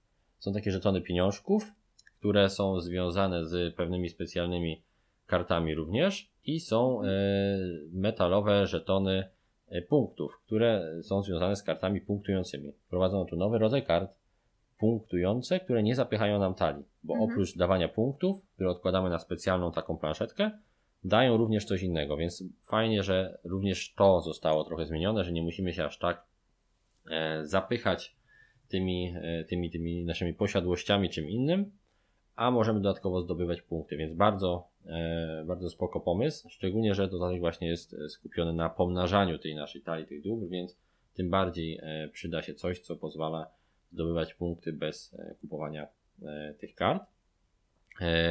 Oprócz tego, znaczy oprócz tych wszystkich elementów fizycznych, dostaliśmy też e, całą garść klasycznych kart dominionowych, które są takimi jakby troszkę mocniejszymi wersjami, ulepszeniami, może przestawieniami kart, które znamy z podstawki. E, Można tak e, mieć takie wrażenie właśnie, że jest to takie troszkę e, zboostowanie Mhm. e, podstawki miejscami. E, No i jest też kilka kart działających dość kontekstowo, czyli mm, konkretnie z tym jakby dodatkiem, tak jak szlak handlowy, który będzie działał lepiej, jeżeli w grze dostępnych jest więcej kart y, zwycięstwa, tak, tych posiadłościowych, bo dzięki temu wtedy szlak handlowy działa lepiej, bo za przy każdym kupowaniu e, karty za e, no, tej karty zwycięstwa coś się dzięki temu dzieje, tak? Czyli jeżeli jest taki układ kart, to będzie szlak handlowy działał lepiej, więc trzeba też pamiętać, jak to układamy, bo tak jak w każdym dominionie układ kart gra jakąś rolę tutaj, tak? To nie jest tak, że każde losowe wyłożenie tych kart do królestwa do kupienia będzie działało tak samo Mhm. świetnie. Po to są te proponowane układy, żeby, żeby były jakieś takie najbardziej optymalne, ciekawe zestawienia kart, które najlepiej się e, kombują ze sobą po prostu. No, no i to tak mniej więcej wygląda. E, myślę, że ten dodatek jest bardzo fajną uzupełnieniem podstawki. Można go sobie spokojnie kupić jako drugi zaraz dodatek po podstawce i będzie działał bardzo fajnie. Nie zmienia, nie robi jakiegoś galimatiasu w zasadach, a mimo wszystko pozwala nam troszkę inaczej zagrać, więc zdecydowanie e, pasuje do serii. Nie jest jakimś takim mm, czymś, co zrobiono na boku, co nie da się komponować. klimatu innego. Tak, zdecydowanie bardziej czuć tematyczność tutaj, bo właśnie Mhm. ten, te, te, te bogactwo, które się daje ze wszystkich stron, te pieniążki, którymi obracamy, czuć, że to jest właśnie jakiś złoty wiek w Dominionie, że jest, jest tutaj lepiej, mocniej i więcej. Więc zaskakująco jak dla Dominiona klimatu nawet w tym takim trybie rozgrywki można troszkę podłapać. No i dla nas Dominion standardowo jako seria to jest wysoka nota, więc nie wystawiamy ocen jako taką chyba dodatką. Nie, Każdy, nie. każdy jest na bardzo solidnym poziomie dla nas, więc e, nie wiem, gdybym miał wystawić, to była pewnie dziewiątka, podobnie jak cała jej seria, więc zdecydowanie e, ten dodatek jest wart zakupu. Zresztą tego Mm. Dominiona tak w kontekście całości bardziej. Tak, to jest właściwie przegląd taki, tak? Tak. Tego nie traktujemy jako jakieś recenzje, tylko bardziej jako e, powiedziałbym przegląd serii i przypomnienie sobie Dlaczego e, jaki dodatek był tak fajny? Bo fajne są wszystkie z tych, które mamy, tylko chcieliśmy przypomnieć, jak działają.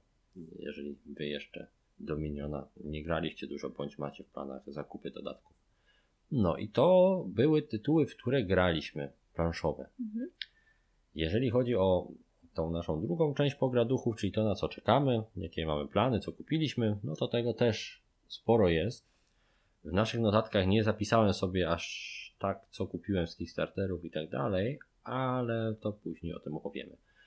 Czekamy przede wszystkim, czy tam e, czekamy, by zagrać mm, w grudniu na grę Dead Man Tell No Tales, czyli e, taką kościaną grę o Mhm. piratach. Już czeka, już jest. Już czeka, już przyszła. e, To jest całkiem nowy tytuł, gra, która wcześniej była wydana na Kickstarterze, a to jest wersja retailowa, więc myślę, że myślę, że będzie fajna.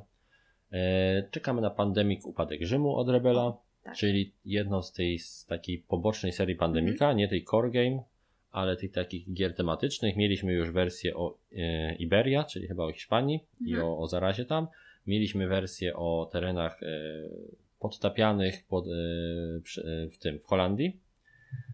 I mamy teraz wersję Upadek Rzymu, czyli wersję historyczną, a była jeszcze wersja ze Cthulhu, Aha, no to tak. taka z kultystami.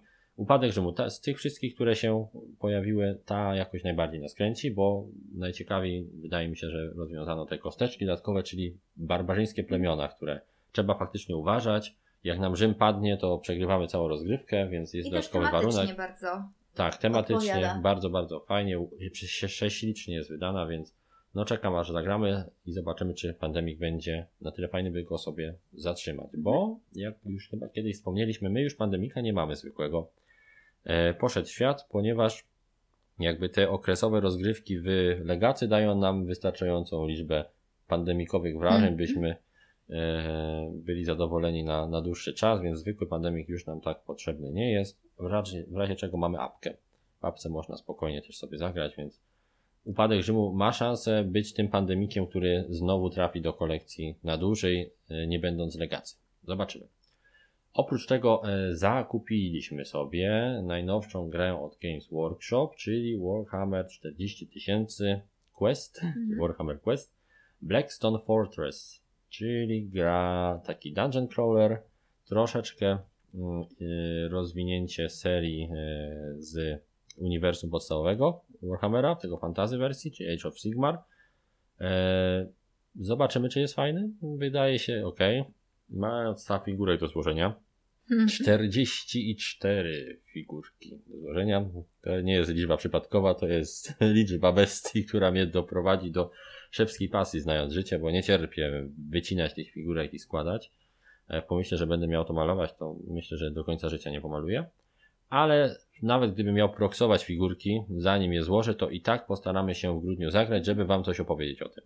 Jak sama rozgrywka wygląda. Bo wygląda, że jest to ulepszona i na ten moment najciekawsza wersja tego systemu Warhammer Quest nowożytnego powiedzmy, bo była to też e, gra, która dawno temu wyszła, ale tej nowej edycji to ta wydaje się najciekawsza. Dzieje się w uniwersum 40 tysięcy, czyli troszkę mniej nam znanym. Musimy troszkę lore doczytać. Iwona robi tutaj głupie miny. Co, o co chodzi? Co, co, co ty do mnie rozmawiasz? Jakieś 40 tysięcy? Tyle to kosztowało? Ty pierunie. Nie, nie, nie.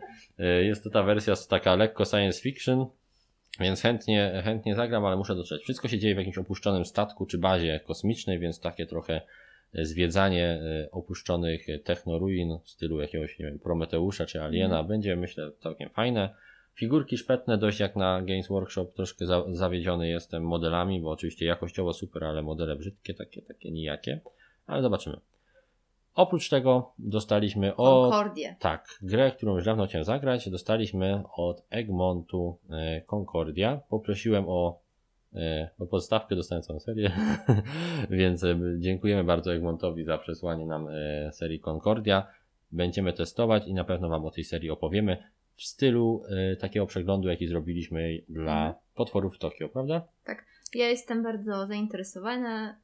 Instrukcja jest bardzo krótka. Tak, instrukcja krótka. Krótka. Autora zawsze lubiłaś, Mata Gerca i te gry z rondlem, które tworzył Navigator ci się z tego co pamiętam podobał, więc myślę, że ta gra będzie jakby godnym reprezentantem tego autora w naszej Mhm. kolekcji, bo na ten moment chyba już nie mamy jego, jego gier w kolekcji, więc chcieliśmy Ja właśnie jestem bardzo, bardzo sprawdzić. pozytywnie nastawiona. No, szczególnie, że temat fajny, takie starożytność, bardzo lubimy takie historyczne realia, więc z przyjemnością sprawdzimy.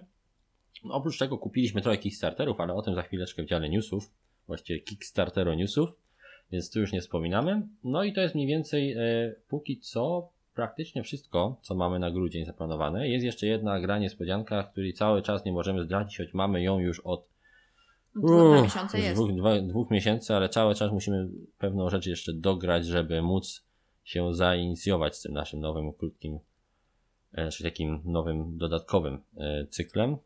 Zobaczymy. Może się uda już w grudniu. Who knows? A teraz robimy krótką przerwę i wracamy do Was za chwileczkę z działem newsów z Kickstartera przede wszystkim chyba. Pa.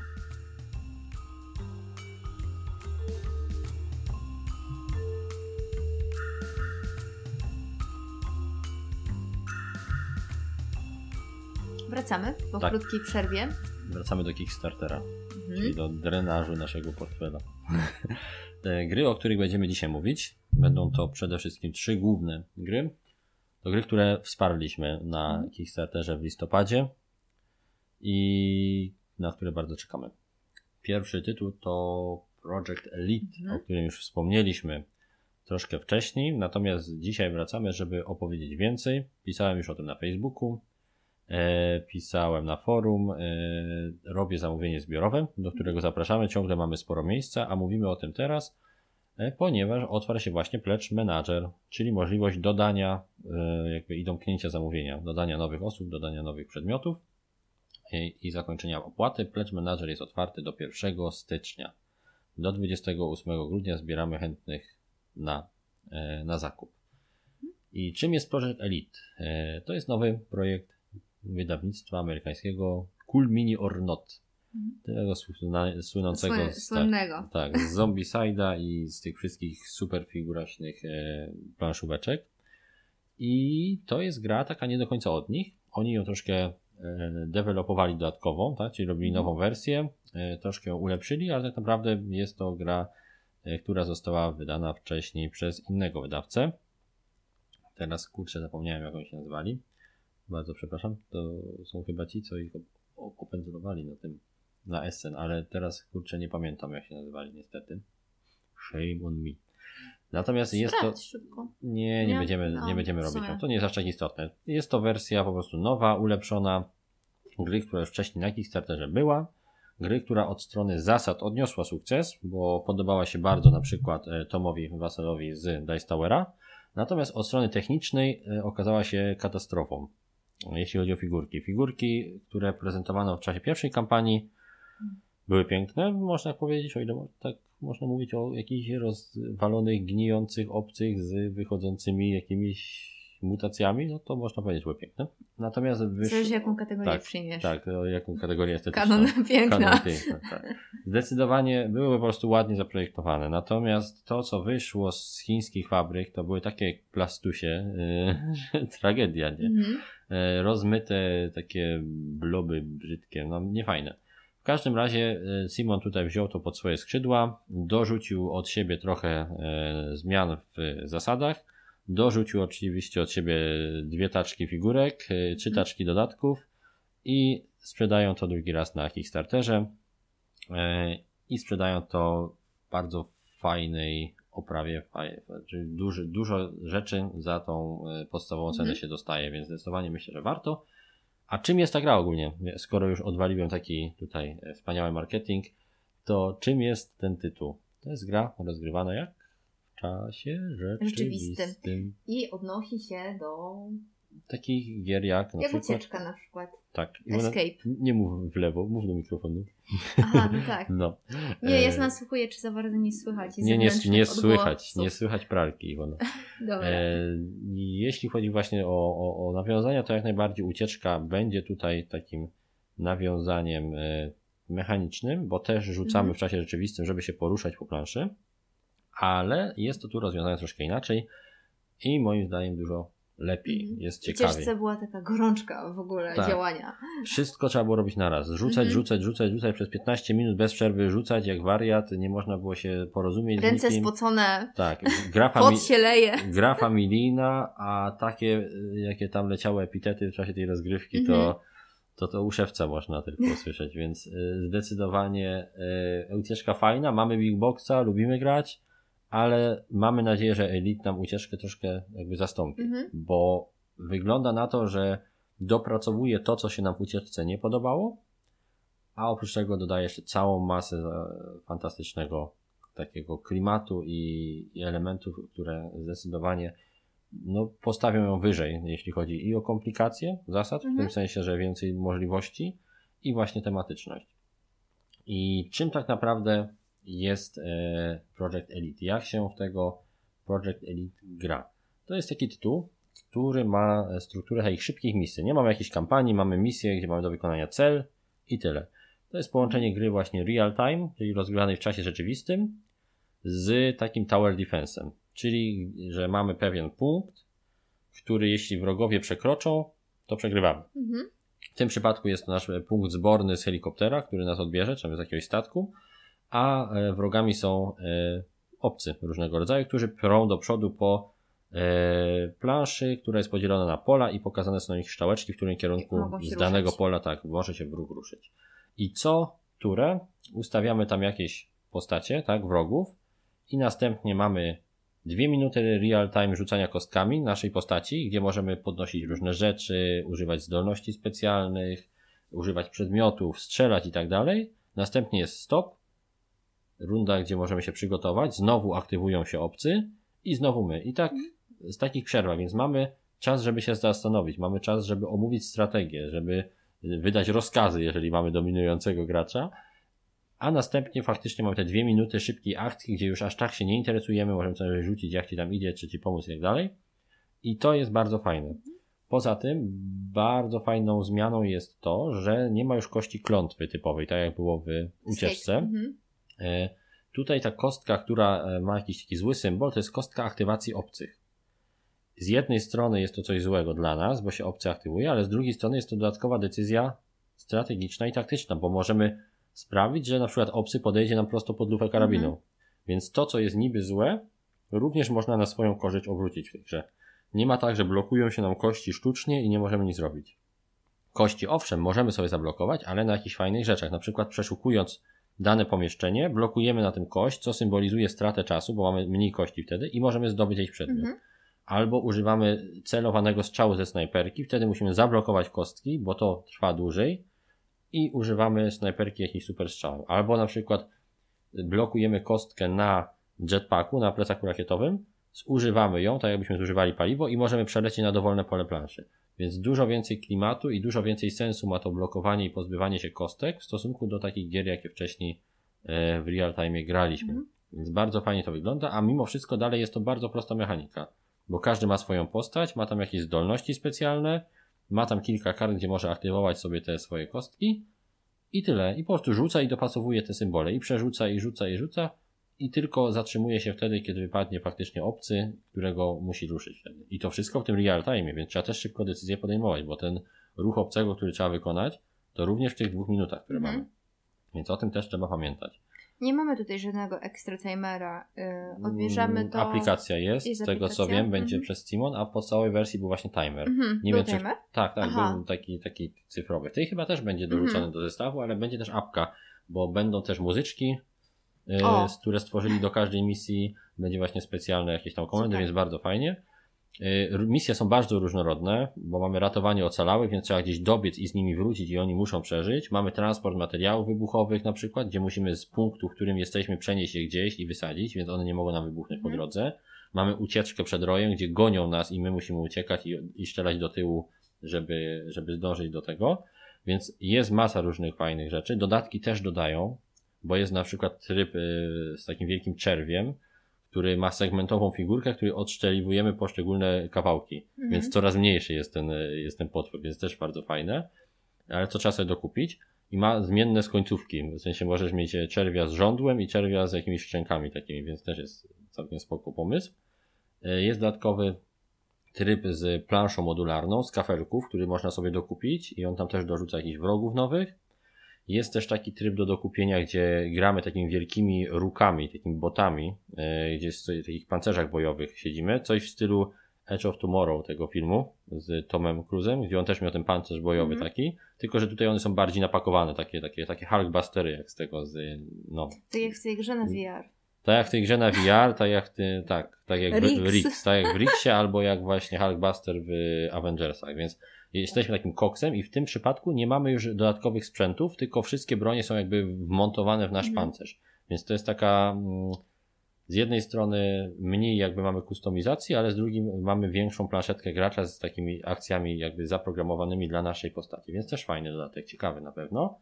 Bardzo dużo możliwości. Dużo jest strasznie. Stretch Goli dorzucili masę różnych nowych potworów, y, dodatkowe postacie są w Mhm. Stretch Golach, więc y, wersja Kickstarterowa to jest dużo, dużo, dużo więcej kontentu, zawartości niż w sklepie. I jeżeli chcecie tą grę kupić kiedykolwiek, to teraz, bo nie ma sensu kupować jej później w sklepie. Te gry mm, Simona w większości niestety nie opłaca się kupować w retailu. Przynajmniej te, które są nastawione na postacie. No bo Mhm. Blood Rage na przykład, czy Rising Sun aż tak się nie traciło. No, może trochę, ale nie aż tak. Można było to wszystko sobie później jakoś dokupić, przynajmniej w Blood Rage'u. Natomiast w takie gry właśnie jak Room and Bones, yy, czy właśnie to, gdzie dużo opiera się na postaciach nowych, to raczej na Kickstarterze lepiej brać. Mhm. Mimo, że no jest po angielsku, to, to chyba warto się przemóc i, sobie kupić, bo jest po prostu dużo fajniej i ciekawiej w tej wersji, yy, no, w tej wersji Kickstarterowej.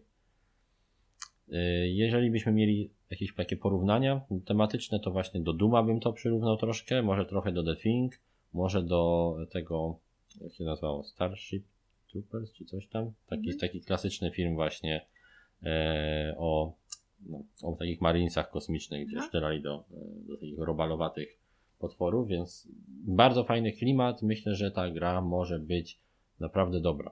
Przynajmniej po tym. no, No, no są takie, takie no. czy no coś to tak bardziej w kwestii figurek, nie? Że są Mhm. takie Takie mu, no. mutacje jakieś dziwne, bo sama rozgrywka to jest zbyt zbyt dużo tych Mhm. potworów, żeby móc mówić o, o porównaniu do tego.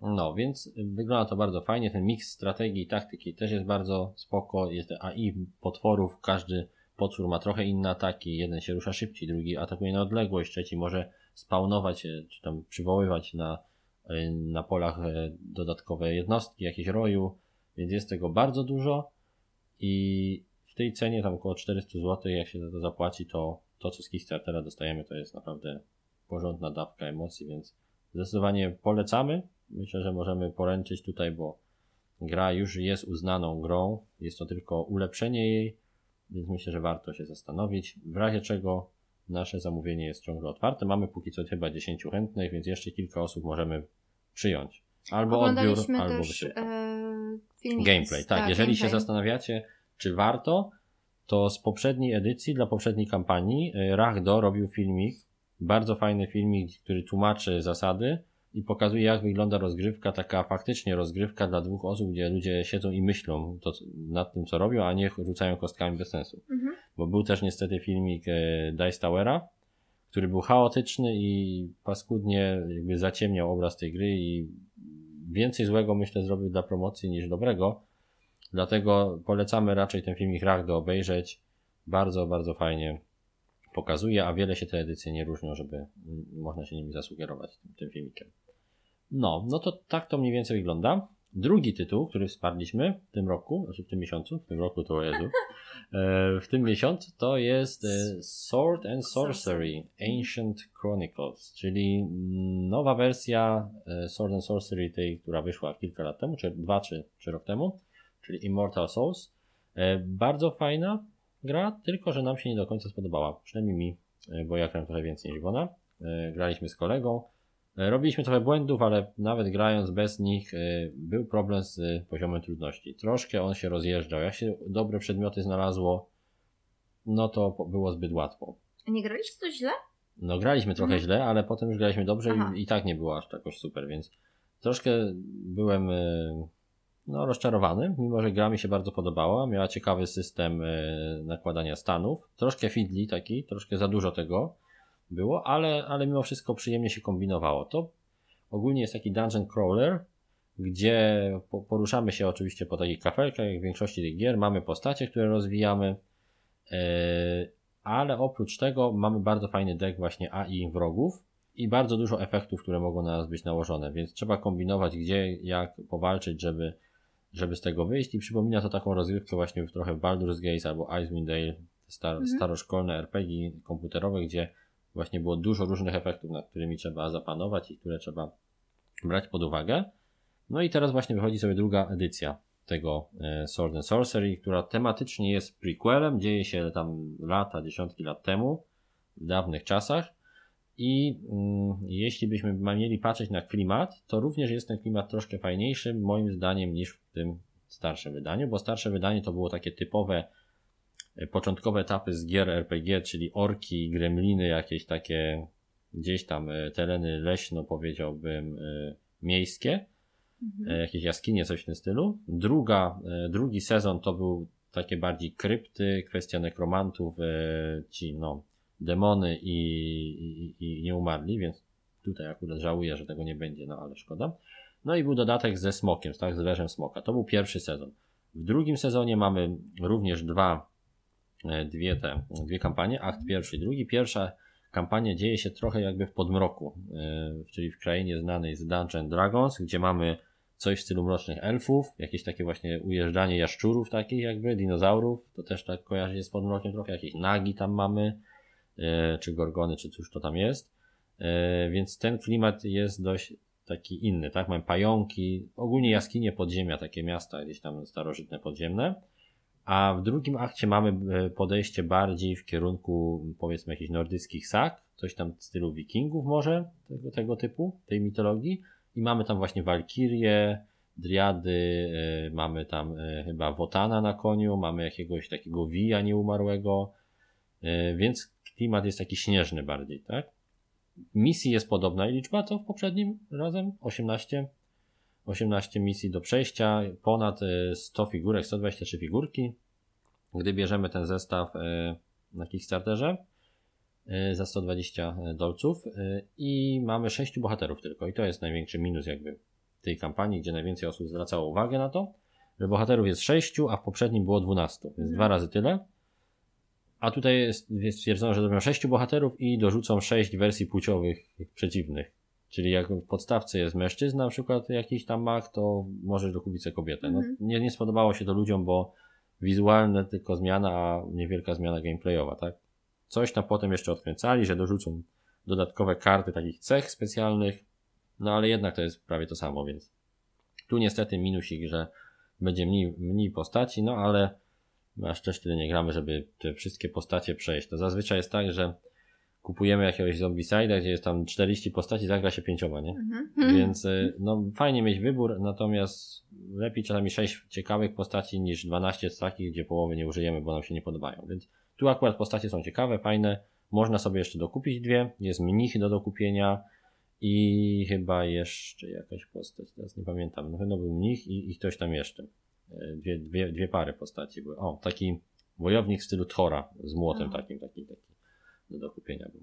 No, więc e, tak to mniej więcej e, wygląda. Solidny, ciekawy dungeon crawler, zaawansowany w stylu takim descentowym, tylko że nie mamy podziału na pojedyncze pola, więc strategię raczej budujemy w oparciu kogo zaatakujemy i kiedy i jakim czarem, niż gdzie stoimy na jakim polu, tak? Więc tutaj trochę uproszczone są te zasady linii widzenia, mhm. Natomiast dużo bardziej rozwinięte zasady stanów różnego rodzaju nakładania, więc myślę, że dla fanów właśnie Baldur's Gatesa czy tam Icewind Dale bardzo fajna propozycja. Oczywiście zawsze warto brać na Kickstarterze, bo policzy, gdy policzyliśmy sobie starą edycję kupując ją osobno, tak, czyli Immortal Souls i do kupienia drugiego aktu, wychodzi drożej niż gdybyśmy chcieli kupić na Kickstarterze, a na Kickstarterze dostajemy dodatkowo bardzo fajną rzecz, która nas przede wszystkim skusiła, żeby wesprzeć tą edycję, czyli taki pakiet y, podnoszący poziom trudności. Drugie tyle figurek wrogów, które można wymienić sobie w taliach, żeby było trochę trudniej, bo właśnie w podstawce tam ten poziom trudności był największym dla mnie felerem, a tutaj można sobie go regulować samemu, i mają być trochę przeprojektowane przedmioty, więc też fajnie, że będą dotyczyć poziomu, na którym jest postać, a nie dowolności. Że nie można od razu sobie wziąć przedmiotu i walić mieczem kosmicznym mieczem od razu w pierwszej misji i dzięki temu się rozjeżdżał na poziom. Więc fajnie, że to dorzucili. Oprócz tego standardowe dodatki do dokupienia jakieś na kampanii są się kosteczki, gdzieś tam jakieś skrzyneczki e, plastikowe. Taki specjalny dodatek arena, który wprowadza tryb e, pojedynków na arenie z nieskończonymi falami wrogów, więc też myślę, że można sobie go ewentualnie rozważyć. E, Pledge Manager jeszcze się nie otwarł. Na razie zakończyła się kampania, można zrobić late pledge, czyli sobie kupić e, jeszcze samemu. Jak się otworzy Pledge Manager, będziemy pewnie pisać do Ares Games z pytaniem, czy jest jakiś sens na zamówienia zbiorowe z obniżką kosztów wysyłki. Zobaczymy. Jeśli tak, to pewnie zrobimy. No, to tyle jeśli chodzi o Sword and Sorcery. A ostatnia rzecz, ale nie najmniej, nie najmniej ważna, tak? Last but not least, Mhm. czyli Reichbusters, Reichbusters Project Vril, o którym już mówiliśmy. E, Mówiliśmy troszkę też w poprzednim podcaście, ale to było tylko takie wstępne nakreślenie rzeczy. Teraz już kampania trwa. Mhm. Rozkręciła się, jest teraz Tak, na tak. bieżąco jesteśmy. Mhm. Jest już pół kampanią. miliona zebrane. E, Prawie codziennie są live'y, jest dużo rozgrywek, masa pytań i odpowiedzi, więc już dużo o tej grze wiemy. Są już zasady gotowe, więc to nie jest tak jak w niektórych kampaniach, że słodzą nam oczy figurkami, a się okazuje, że zasad nie ma. Mhm. Zasady są, wiemy już czym ta gra jest, do czego ją porównać, jakie ma e, ciekawe aspekty, więc myślę, że w ciemno to kupowanie nie jest. Gra od twórców, e, znaczy od wydawcy pierwsze, pierwszego Mythic Battles, koło wydawcy, bo teraz już Mythic Battles jest wydawane przez Monolith Games, a to jest gra Mythic Games, czyli tak jakby e, takiego wydawnictwa, które się wydzieliło z e, Monolita. E, I oni już e, przygotowali dwie z sukcesem zakończone kampanie, czyli John of Arc, Time of Legends e, i Solomon Kane. Żadnej jeszcze nie dostarczyli, więc hello. Wspieramy już ich trzecią grę, nie wiedząc, czy dostaniemy dwie poprzednie, no ale oni raczej słyną z tego, że bardzo dużo update'ów robią, bardzo są pro, e, pro, pro konsumentcy, bym tak powiedział, jeśli chodzi o wyjście do, do klientów, o prezentowanie tego, co robią, o raportowanie, na jakim są etapie, więc myślę, że nie musimy się obawiać o to, że gra do nas dojdzie. Raczej A- można zaufać. Myślę, że można, Chyba. można im chyba zaufać. E, Gra, o czym jest e, gra Reichbusters? Jak sama nazwa wskazuje, mamy tutaj rzesz ogromców, czy tam, e, nie wiem, pogromców rzeszy, jakby jak zwał, tak zwał, rzeszobójców. E, Chodzi tutaj o taki klimat Weird World War II, czyli dziwna druga wojna, znany z na przykład Wolfensteina, serii Wolfenstein, który e, bardzo mocno ten temat rozwijał. E, Nawet najnowszy Wolfenstein e, sięga do motywów, ten e, remake Wolfensteina, nie ten całkiem najnowszy, sięga do motywów podobnych w, co w tej grze tutaj. Bo mamy właśnie taką sytuację, że naziści odkryli jakąś super wunder substancję w Tybecie, która się nazywa Vril, to jest taka ciecz, która pozwala mutować jakieś rzeczy, skrzeszać zmarłych, tworzyć super pancerze, ale też wpływa na psychikę oczywiście, nie? Więc robi z nich trochę takich wariatów jeszcze Mhm. bardziej niż są. Więc e, jaka jest nasza misja? Jesteśmy członkami Special Operations Executive, czyli SOE, takiej specjalnej komórki do zadań specjalnych i musimy zinfiltrować e, zamek Himmlera, który się mieści w Wewelsburgu i tam w jakichś ukrytych laboratoriach przechowywany jest ten Vril. My musimy uniemożliwić im dalszą tam produkcję, czy tam wykreślać plany i tak dalej. Są różne misje. Bardzo to przypomina właśnie początek ostatniego Wolfensteina, tego przedostatniego, gdzie zaczynamy grę lecąc samolotem do zamku y, doktora Trupiej Główki, żeby właśnie też wykraść jakieś plany. I tam też mamy super substancje, tylko że tam to była akurat substancja budowlana, która się nazywa Uberbeton, z którego budowali całe miasta jak taśmowo, więc y, jest, jest duże podobieństwo, oni nie kryją tego, że się inspirują Wolfensteinem bardzo mocno, ale to nic, czemu się nie inspirować, jeżeli gra jest fajna, szczególnie, że wielu takich gier planszowych nie było. Jeśli chodzi natomiast o inspiracje mechaniczne, to jest to gra Jake'a Thorntona, e, autora m.in. takiej gry jak Dungeon Saga, ale też na przykład niedawno wydanego Solomona Kane'a.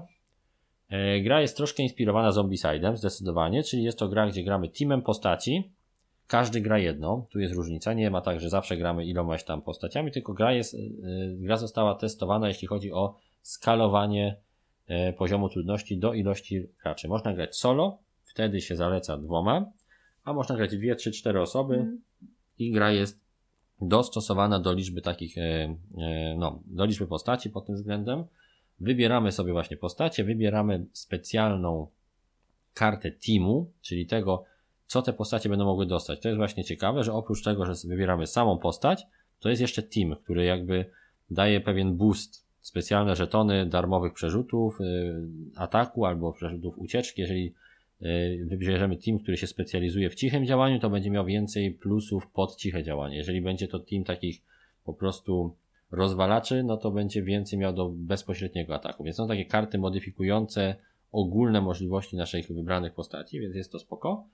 I oprócz tego wybieramy oczywiście złych. Ty zestaw jakby mm, przeciwników, z którymi będziemy walczyć. Czy to będzie pan Gruber, czy jego siostra, czy to będą bardziej szaleni naukowcy, czy bardziej szaleni inżynierzy, czy inżynierowie. W zależności od tego będzie więcej mutantów na planszy, bądź jakichś mechanicznych spraw, będzie inna mapa, więc y, jest tutaj bardzo dużo y, czynników zmieniających rozgrywkę. No i mamy dwa tryby. Oprócz tego mamy tryb y, kampanii i tryb rajdu, czyli tych pojedynczych rozgrywek. Więc to jest bardzo spoko, bo jednak w Zombicide tych misji mamy ograniczoną zawsze liczbę, a tu jest ich dużo, dużo więcej, dużo większa zmienność, bo mapy są również y, różnie porozkładane w zależności od tego, jaką sobie mapę i misję weźmiemy. Sama rozgrywka wygląda ciut podobnie do Zombicide'a, bo też mamy turę y, postaci, a potem y, mamy turę tych y, nazistów. Tylko, że tutaj działa to bardziej pod kątem AI. Mniej jest to takie bezwolne, bo każda postać troszkę inaczej działa. Każdy, każdy nazista ma inne jakieś tam zdolności, każda jednostka i każdą taką turę aktywujemy po, po każdym graczu, tak? Jest gracz, oni, gracz, oni, gracz, oni i tak dalej. Gra ogólnie dzieli się na dwie fazy. Fazę przed alarmem i po Mhm. może być tak, że uda nam się grać na tyle cicho, że aż do szóstej rundy będzie brak alarmu i wtedy już po szóstej rundzie zawsze jest alarm, czyli już po prostu za długo tam się panoszymy, żeby, żeby nas nie zauważyli. Albo możemy alarm wywołać przypadkiem innym, zrobiąc za dużo hałasu, otwierając za głośno drzwi i tak dalej, i tak dalej. Ta przewaga e, tej pierwszej rundy, tej takiej rundy skradankowej jest taka, że kiedy atakujemy w rundzie skradankowej, e, wróg jest zaskoczony. I wtedy my mamy czas jeszcze, żeby zadziałać. Kiedy jesteśmy już w gruncie alarmu, to oni bezpośrednio reagują. A drugą rzeczą jest to, że kiedy gramy w tej wersji właśnie skradanej, tej pierwszym etapie misji, to my ustalamy inicjatywę sami. Czyli ja decyduję, kiedy ja idę, ty, kiedy ty, a w wersji, jak jest alarm, to tasujemy karty inicjatywy i nie, nie jesteśmy w stanie wpłynąć na to inaczej niż zdolnościami specjalnymi. Więc to ma symbolizować to, że wszystko się dzieje w pośpiechu, że już jesteśmy Ogólnie ta gra ma wyglądać w taki sposób, że jesteśmy zaszczuci w pewnym momencie, tak? Bo my wchodzimy do zamku jakiegoś nazisty, gdzie jest masa różnych ludzi, a nas jest tylko mały zespół, więc chodzi o to, żeby pokazać to, że ich jest więcej później, tak? Jak się zaalarmują, to oni nas gonią i raczej już wtedy jest czas, żeby szybko łapać co trzeba i uciekać. Tu nie, jest, nie chodzi o to, żeby wybić wszystkich, takie nie są cele tej gry. Bardziej jest to taka gra infiltracja połączona z dungeon takim, właśnie jak dungeon crawler e, połączony z później trybem jakimś e, od, od e, no, ucieczki do punktu zbornego, coś w tym stylu. No i tak to mniej więcej wygląda. Same tury gracza są dość proste. Mamy dwie podstawowe akcje, ruch i atak i nasz deck postaci. Każdy nasz żołnierz ma jakieś specjalne zdolności, e, które są przedstawione w formie deku. W zależności od tego, czy mamy bardziej strzelca, czy bardziej jakiegoś bombera, to będą inne zdolności na tych kartach. Strzelec będzie miał więcej strzałów i skradania się, gościu od materiałów wybuchowych może zastawiać przykład jakieś pułapki i tak dalej. Więc też fajnie, że zrobiono to na kartach, bo to daje takie więcej taktycznych możliwości. No, tutaj tak to sobie właśnie wygląda. Rozgrywka się toczy tych rundach. Albo się nam uda wykonać cel, albo nie. Jeżeli jest to wersja e, ta no, rajdowa, jeżeli jest to kampania, to potem, gdy się nam nie uda celu wykonać, bądź nasza postać zostanie złapana, to w następnej misji będziemy musieli ją uwolnić i będzie strzeżona przez nazistów.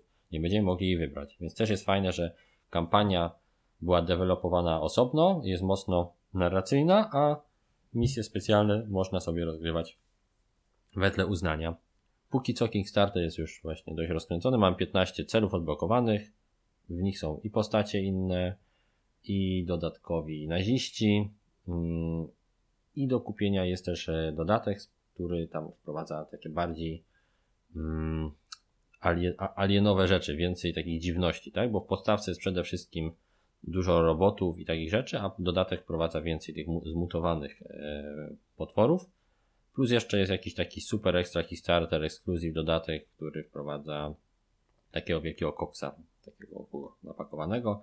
Co do niego nie jesteśmy przekonani, ale pewnie dodatek weźmiemy. Czyli minimum ten dodatek i, i podstawkę weźmiemy. Wtedy to jest koszt chyba 160, 160 dolarów.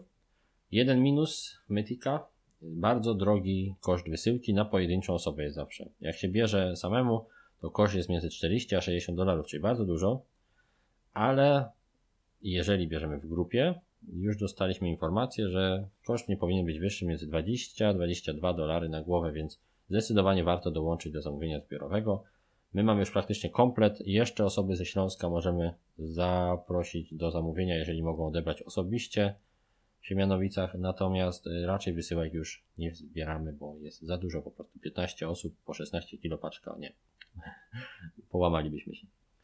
No i to są te podstawowe mm, Kickstarterki, które sobie y, wsparliśmy pełną kwotą. Oczywiście braliśmy też ten Barrage, o którym mówiliśmy już w wcześniejszym y, odcinku naszego podcastu. Na ten moment Właśnie jeszcze sprawdzam, czy jakieś ciekawe kampanie jeszcze trwają. E, trwa jeszcze Assassin's Creed, ale Asasyna raczej nie będziemy wspierać, tak mi się wydaje. Może ewentualnie Dolcem, bo raz, że bardzo długa, e, no, długa, długi czas oczekiwania na, na dostawę, bo dopiero w 2020 roku Assassin zostanie dostarczony, a dwa, że no nie do końca podoba mi się e, to, jak jest prezentowana rozgrywka niby gra o dachach i o dzieje się gdzieś tam na wysokości, a wszystko jest przez płaskie. Więc jakoś nie wiem, w innych grach mi to nie przeszkadza. Tutaj jest to takie dziwne, że kapelki główne to ulice, a na nich są nałożone tylko takie małe nakładki w postaci mm, dachów niby. I jeszcze są figurki drabin. Wygląda to trochę dziwnie. No i gra jest dość prosta, mm, bo to, że się skradamy, to tak na dobrą sprawę jest jeden rzut kostką. Jeżeli nam się uda, to się skradamy, możemy kogoś zabić, jak się nam nie uda, no trudno zobaczył nas. Więc jest to bardzo, bardzo proste i jeszcze nie jesteśmy przekonani, czy to weźmiemy. Oprócz tego trwa jeszcze kampania Hero Realms Journeys, czyli można znowu kupić wszystko, co wyszło z Hero Realms plus dodatkowe przedmioty. E, robimy zamówienie zbiorowe, więc można dołączyć. Przy zamówieniu mm, pełnego kompletu e, się to w miarę opłaca. Przy zamówieniu pojedynczych rzeczy zdecydowanie warto w zbiorowym, bo wtedy koszt wysyłki spada znacząco. E, wsparliśmy też jeszcze Monumental, czyli taką grę cywilizacyjno-deckbuildingową z mapą, takie położenie cywilizacji Sida Meyera z deckbuildingiem, dużo ładnych figurek, fajny deckbuilding, ładna oprawa, więc wydaje się, że będzie spoko. No i klaustrofobia, o której już wspominaliśmy, też została wsparta. A poza tym to same dolce poszły, więc raczej są to projekty, których nie będziemy wspierać, ale chcieliśmy mieć w razie czego dostęp do nich.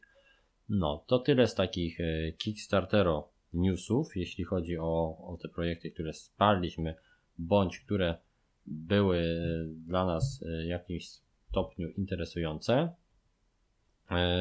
Więcej informacji o jakichś wartych zakupu grach będzie w naszym poradniku, myślę, prezentowym w najbliższym czasie. Będziemy go nagrywać w przyszłym tygodniu i tam pewnie powiemy jeszcze o jakichś nowszych grach, które planujemy o których planujemy, e, znaczy które warto kupić na, na święta. Z takiego newsa, no niestety prze, przełoży się, e, czy przesunie się premiera polskiego Mage Knighta, na który bardzo czekamy, tego Big Boxa.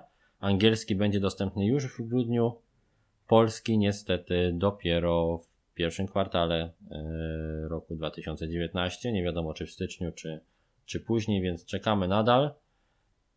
I to w sumie chyba tyle. Jakichś tam wielkich, hucznych e, rzeczy raczej na razie nie ma w listopadzie, a o grudniu to pomyślimy mówiąc o grudniu. Na ten moment zostaje nam już tylko ostatni element naszego odcinka, czyli taka bardziej klasyczna recenzja gry Monolith Arena. Tak, Iwona wróciła tutaj. Iwona zatkana w Kickstartery się nie mieszała, ale o Monolith Arena już coś do powiedzenia będzie bo graliśmy oczywiście w dwójkę Monolith Arena. Jak żeby inaczej. inaczej. Ale to za chwileczkę. Chwila przerwy, żeby e, odetchnąć łyk herbaty i możemy mówić dalej.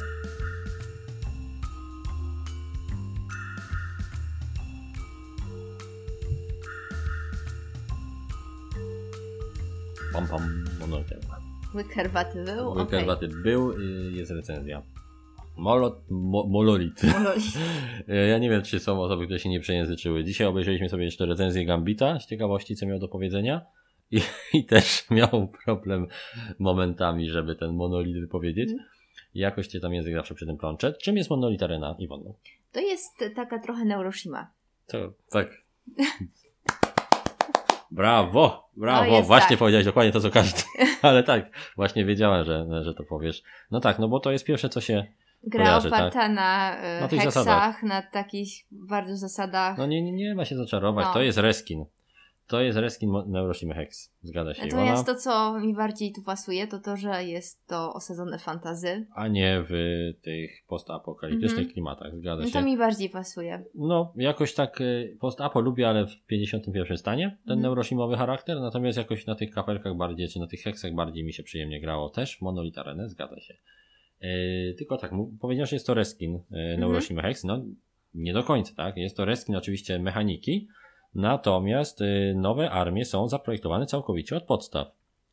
Michał Oracz stworzył cztery nowe armie, Mhm. które może gdzieś tam miejscami nawiązują do klasycznych armii z Na Neuroshimy. przykład sieciarz taki. Tak, oczywiście sieciarz musi być. I pamiętajcie, zasieciowany sieciarz nie sieciuje. To jest klasyka Neuroshimy i to też tutaj e, jest wprowadzone. Natomiast, tak jak mówiłem, armie są inne. Są nowe, mają ciekawe, nowe zasady. A oprócz tego jest dorzucony tutaj wariant, który tak na dobrą sprawę e, jest oczywiście domyślną rozgrywką. Można sobie grać w standardową rozgrywkę Neuroshimy, e, ale można dorzucić e, wariant monolitów. Mhm. I to jest jakby główne danie tego, tego, tej produkcji, tak, tej wersji, które faktycznie mocno zmienia rozgrywkę. Ale o się tym. zwija te monolity. Tak, no, no, monolity, monolit się zwija i rozwija. Chociaż ja tam z tymi monolitami nie No, wiem. no. Nie, nie wiem za bardzo. Monolity są fajne, ja o nich za chwileczkę opowiem. E, jakie są podstawowe zasady e, Hex? Nie będziemy jakoś dużo o nich mówić. Monolit Arena. Neuroshimy Hex mówię te podstawowe zasady, bo Aha. to jest jakby to samo, tak? Tak. No tak. Te same zasady są Monolith Areny co Hexa w tym głównym jakby core e, Mhm. rozgrywki. Natomiast e, to, co dodaje, czyli monolity, powiemy za chwilę. Czyli rozgrywka jest taka sama. Jeżeli ktoś grał w Neuroshimę Hex, to Monolith Arena się tak jakby kupił sobie dodatek, tak, Mhm. do Neuroshimy, jeżeli nie wprowadziłby monolitów. Jakie są zasady? No bardzo proste. No, mamy planszę heksagonalną, każdy ma garść swoich żetonów. Te żetony to jest jego armia. Armie się ścierają na właśnie na takiej arenie. E, W każdym ruchu dobieramy do trzech żetonów, e, wybieramy z nich jeden, który odrzucamy, drugi i trzeci możemy zagrać na planszę. Mhm. Żetonów jest kilka. Żeton sztabu, czyli w Neuroshimie sztabu, tutaj sztandaru, to jest nasza jakby Mhm. nasze punkty życia. Jeżeli ktoś nas bije ten sztandar do końca, to przegrywamy. Oprócz tego mamy żetony rozkazów jednorazowych, czyli takie rzeczy, które nam pozwalają coś zrobić na planszy, ruszyć się, rozpocząć bitwę, nie wiem, zdjąć jakąś Mhm. jednostkę i tak dalej. Oprócz tego mamy żetony specjalnych takich modyfikatorów run. Tutaj to są runy, które modyfikują na przykład życie naszych jednostek, zdrowie, siłę ataku i tak dalej. No i oczywiście mamy armię jednostki nasze, które są głównym jakby daniem rozgrywki, które głównie e, pozwalają nam atakować przeciwnika. I po prostu w turach dokładamy żetony na planszę, wywołujemy bitwy, które są rozgrywane zgodnie z segmentami inicjatywy, czyli najpierw jednostki z najlepszą, potem z najgorszą inicjatywą. Tą inicjatywę sobie też można podbić, Podbijać, specjalnymi tak, tak. tak, tak. Jest tutaj dużo kombosów fajnych. No i tak sobie gramy. To jest taki pojedynek. Niby gra ma tryb dla dwóch graczy, ale, znaczy dla trzy, trzech bądź czterech graczy, ale jednak jest to gra pojedynkowa przede wszystkim. Mhm. Tak to wygląda. A z monolitami dochodzi dodatkowy element strategiczno-taktyczny. Strategiczny, ponieważ na samym początku gry każdy dostaje takie trzy podkładki monolitów i w nie umieszcza jeden sztab swój oraz dwa wybrane dowolne żetony. No. Sztandar, no dobrze, sztab. Chociaż ja też za każdym razem jak graliśmy, to Sztabdar. nie umiałam się No, ogarnąć. tak, no. to- Bo jednak to się gdzieś tam w głowie Zakorzeni, no. zakorzeniło. Neuroshima Hex to jest już taki totalny klasyk dla mnie planszówek, takie top, Mhm. y, jakby takiego designu gier dwuosobowych. że no, chcąc nie chcąc, widzisz sztab, czas, widzisz tak. tam moduły, widzisz tam jednostki, no tak to jest. Widzisz No. tam właśnie. Jest to osiągnięcie tak. Michała Oracza, że wrył nam ten sztab do głowy i pewnie długo sztandaru nie będziemy umieli spamiętać. No ale tak już zostanie. no tak już jest. No więc wybieramy właśnie sobie y, swoją armię, wkładziemy sztab, sztandar w monolicie i dwie dodatkowe, y, dwa dodatkowe żetoniki, jakie chcemy. I zamykamy sobie ten y, monolit i kładziemy go na polu tam, gdzie y, kładlibyśmy sztandar, y, y, sztandarem do góry, tak? Czyli tak, Mhm. tak piętrowo, jak taki wieżowiec. I potem w czasie rozgrywki możemy po zagraniu żetonu sobie ten monolit rozwinąć, rozłożyć na polach, tak, żeby y, przylegały ze sobą, taką wstęgę zrobić, tak? Muszą przylegać do, do siebie bądź do, e, bądź do sztandaru. Nie może być przerwany ten monolit. No i potem e, monolit leży na planszy rozłożony. Wszystkie żetony, które na nim są, działają. Mogą oczywiście zostać zbite te żetony przez ataki przeciwnika. I po każdej bitwie ten monolit pod, z powrotem zwijamy. Zwijamy go na pole pod sztandarem. Tak? Czyli z powrotem musi sztandar znowu być na górze. Więc jak widzicie, nie dość, że daje to taki taktyczny mały twist y, planowania dwóch żetonów, które od razu mamy na planszy praktycznie, to dodatkowo daje ten takty, tą taktykę, co potem zrobić, jak rozwinąć ten sztandar, w którym kierunku i tak dalej. Więc bardzo fajne te monolity są dla graczy, którzy Hexa znają, którzy monolit znają, jeśli już pograli i chcą więcej ciekawych decyzji wprowadzić do gry. Bardzo, bardzo fajne. Taki dodatek jakby. Tak, taki no. dodatek, ale na tyle istotny, że warto w tą grę zagrać i warto może bardziej ją cenić nawet niż Hexa w tym momencie. Przynajmniej u nas tak jest. No, więc to jest taki krótki opis tego, tych zasad, tak, tego core rozgrywki. E, A teraz sobie jeszcze przelecimy przez, e, przez nią Mhm. tymi naszymi kategoryjkami. Od względem tematu, mm, zawsze były osoby, które potrafiły się wczuć w e, klimat Hexa, tak? Mhm. które widziały tam te połączenia i te specjalne zdolności. Jeżeli ktoś był bardziej właśnie takim e, klimaciarzem w stronę post-apo, no to pewnie było mu łatwiej. Nam tutaj w kwestii Monolith Areny bardzo fajnie weszły te, e, te tematyczne mm, jakby rysy tych frakcji, bo frakcje mamy cztery, tak? Tak. Tak jak w podstawowej he- heksie. E, Mamy żółtą frakcję krasnoludów, czyli strażników krain, którzy jak nie trudno się domyślić są bardziej przykokrzeni, więcej życia mają, bardziej zdrowotni są krasnoludy, tak? Mamy czerwoną frakcję demonów, e, Mhm. tutaj nazwaną jako władcy otchłani, którzy zatruwają. Bardzo ciekawa frakcja, e, bardzo upierdliwa do grania przeciwko nim. E, Mamy zieloną frakcję wysłanników bodajże dżungli, czy wysłanników puszczy, e, To czyli takie ala elfy, tak, no. elfy, jakieś tam takie jaszczury, takie rzeczy. Bardzo e, fajna frakcja, taka skrytobójcza trochę, potrafiąca atakować nie bezpośrednio, e, zadawać rany. Znaczy bezpośrednio zadać rany, ale nie przylegając do, Mhm. do tych, czyli takie mm, in, in- instant hity snajperskie robić. Bardzo fajna. E, I ostatnia też ciekawa, e, frakcja ludzi, niebieska, Smocze Imperium, które ma bardzo ciekawy e, system szarży, który pozwala dodatkowo ruszać się i atakować poza bitwą. Więc bardzo, bardzo spoko. Wszystkie frakcje są dopasowane tematycznie. Wszystkie frakcje trzymają się kupy, są dotestowane. Nie czuję, żeby był jakiś dysbalans. Każdą można przeciwko każdej zagrać, każdą trzeba rozgryźć. A w połączeniu z monolitami to jeszcze dodatkowo dochodzą najlepsze otwarcia, które możemy szukać dla danego przeciwnika. No jest bardzo Która jest dużo. twoja ulubiona? O, trudno powiedzieć. Bardzo fajnie mi się grało niebieskimi Mhm. i Gdzie czerwonymi. ta szarża była, Tak, nie? i czerwonymi mi się dobrze grało, Mhm. a tobie tymi dwoma pozostałymi. Pozostałymi, no bo grałam tymi czerwonymi też to tak, nie wiem, No. ja wolę tak chyba krasnoludy i No, leśne, ty, ty, tak. różne Kras, krasnale, tak. Mhm. Hobbity najlepiej. Gnomy. Gnomy, właśnie. Mhm. Bardzo fajnie, tak. I jest tutaj już jakiś taki tease od y, Michała Oracza, że będą dodatki. Nie wiemy kiedy, ale będą. No i Mhm. bardzo fajnie, bo jednak jak każda gra z tej serii, no ona wymaga uzupełnienia po jakimś czasie dodatkowymi e, elementami. Czy jest w tej grze interakcja? No oczywiście, że jest. No to jest Neuroshima Hex, to jest Monolith Arena, to jest czysta interakcja, to jest po prostu nawalanie się wzajemnie. Mhm. To jest gra typowo turniejowa, typowo pojedynkowa. Niby 3-4 osoby można grać, ale ja nigdy nie lubiłem tego wariantu. On się najlepiej On działa, dwie ale osoby gra. To jest największe takie przeciwnik napięcie. kontra przeciwnik i Tak, gdy fajnie. widzisz, że szlak trafia przeciwnika, Tak. to jest to. A że twoja ulubiona jednostka została Właśnie zmiażdżona. zmiażdżona. No, więc jest, jest spoko. Zdecydowanie interakcja to jest coś, czym e, Monolith na nas stoi. Jeśli nie lubimy interakcji, jeśli nie lubimy sobie robić bardzo źle, to nie kupujemy tej gry Mhm. po prostu. To jest gra dla specyficznego odbiorcy, który lubi pojedynki, który lubi takie intensywne łamigłówki na dobrą sprawę, bo tym zazwyczaj Mhm. Hex był, tak? Taką troszkę logiczną, real-time łamigłówką, która, którą trzeba rozgrywać e, naprzeciw siebie.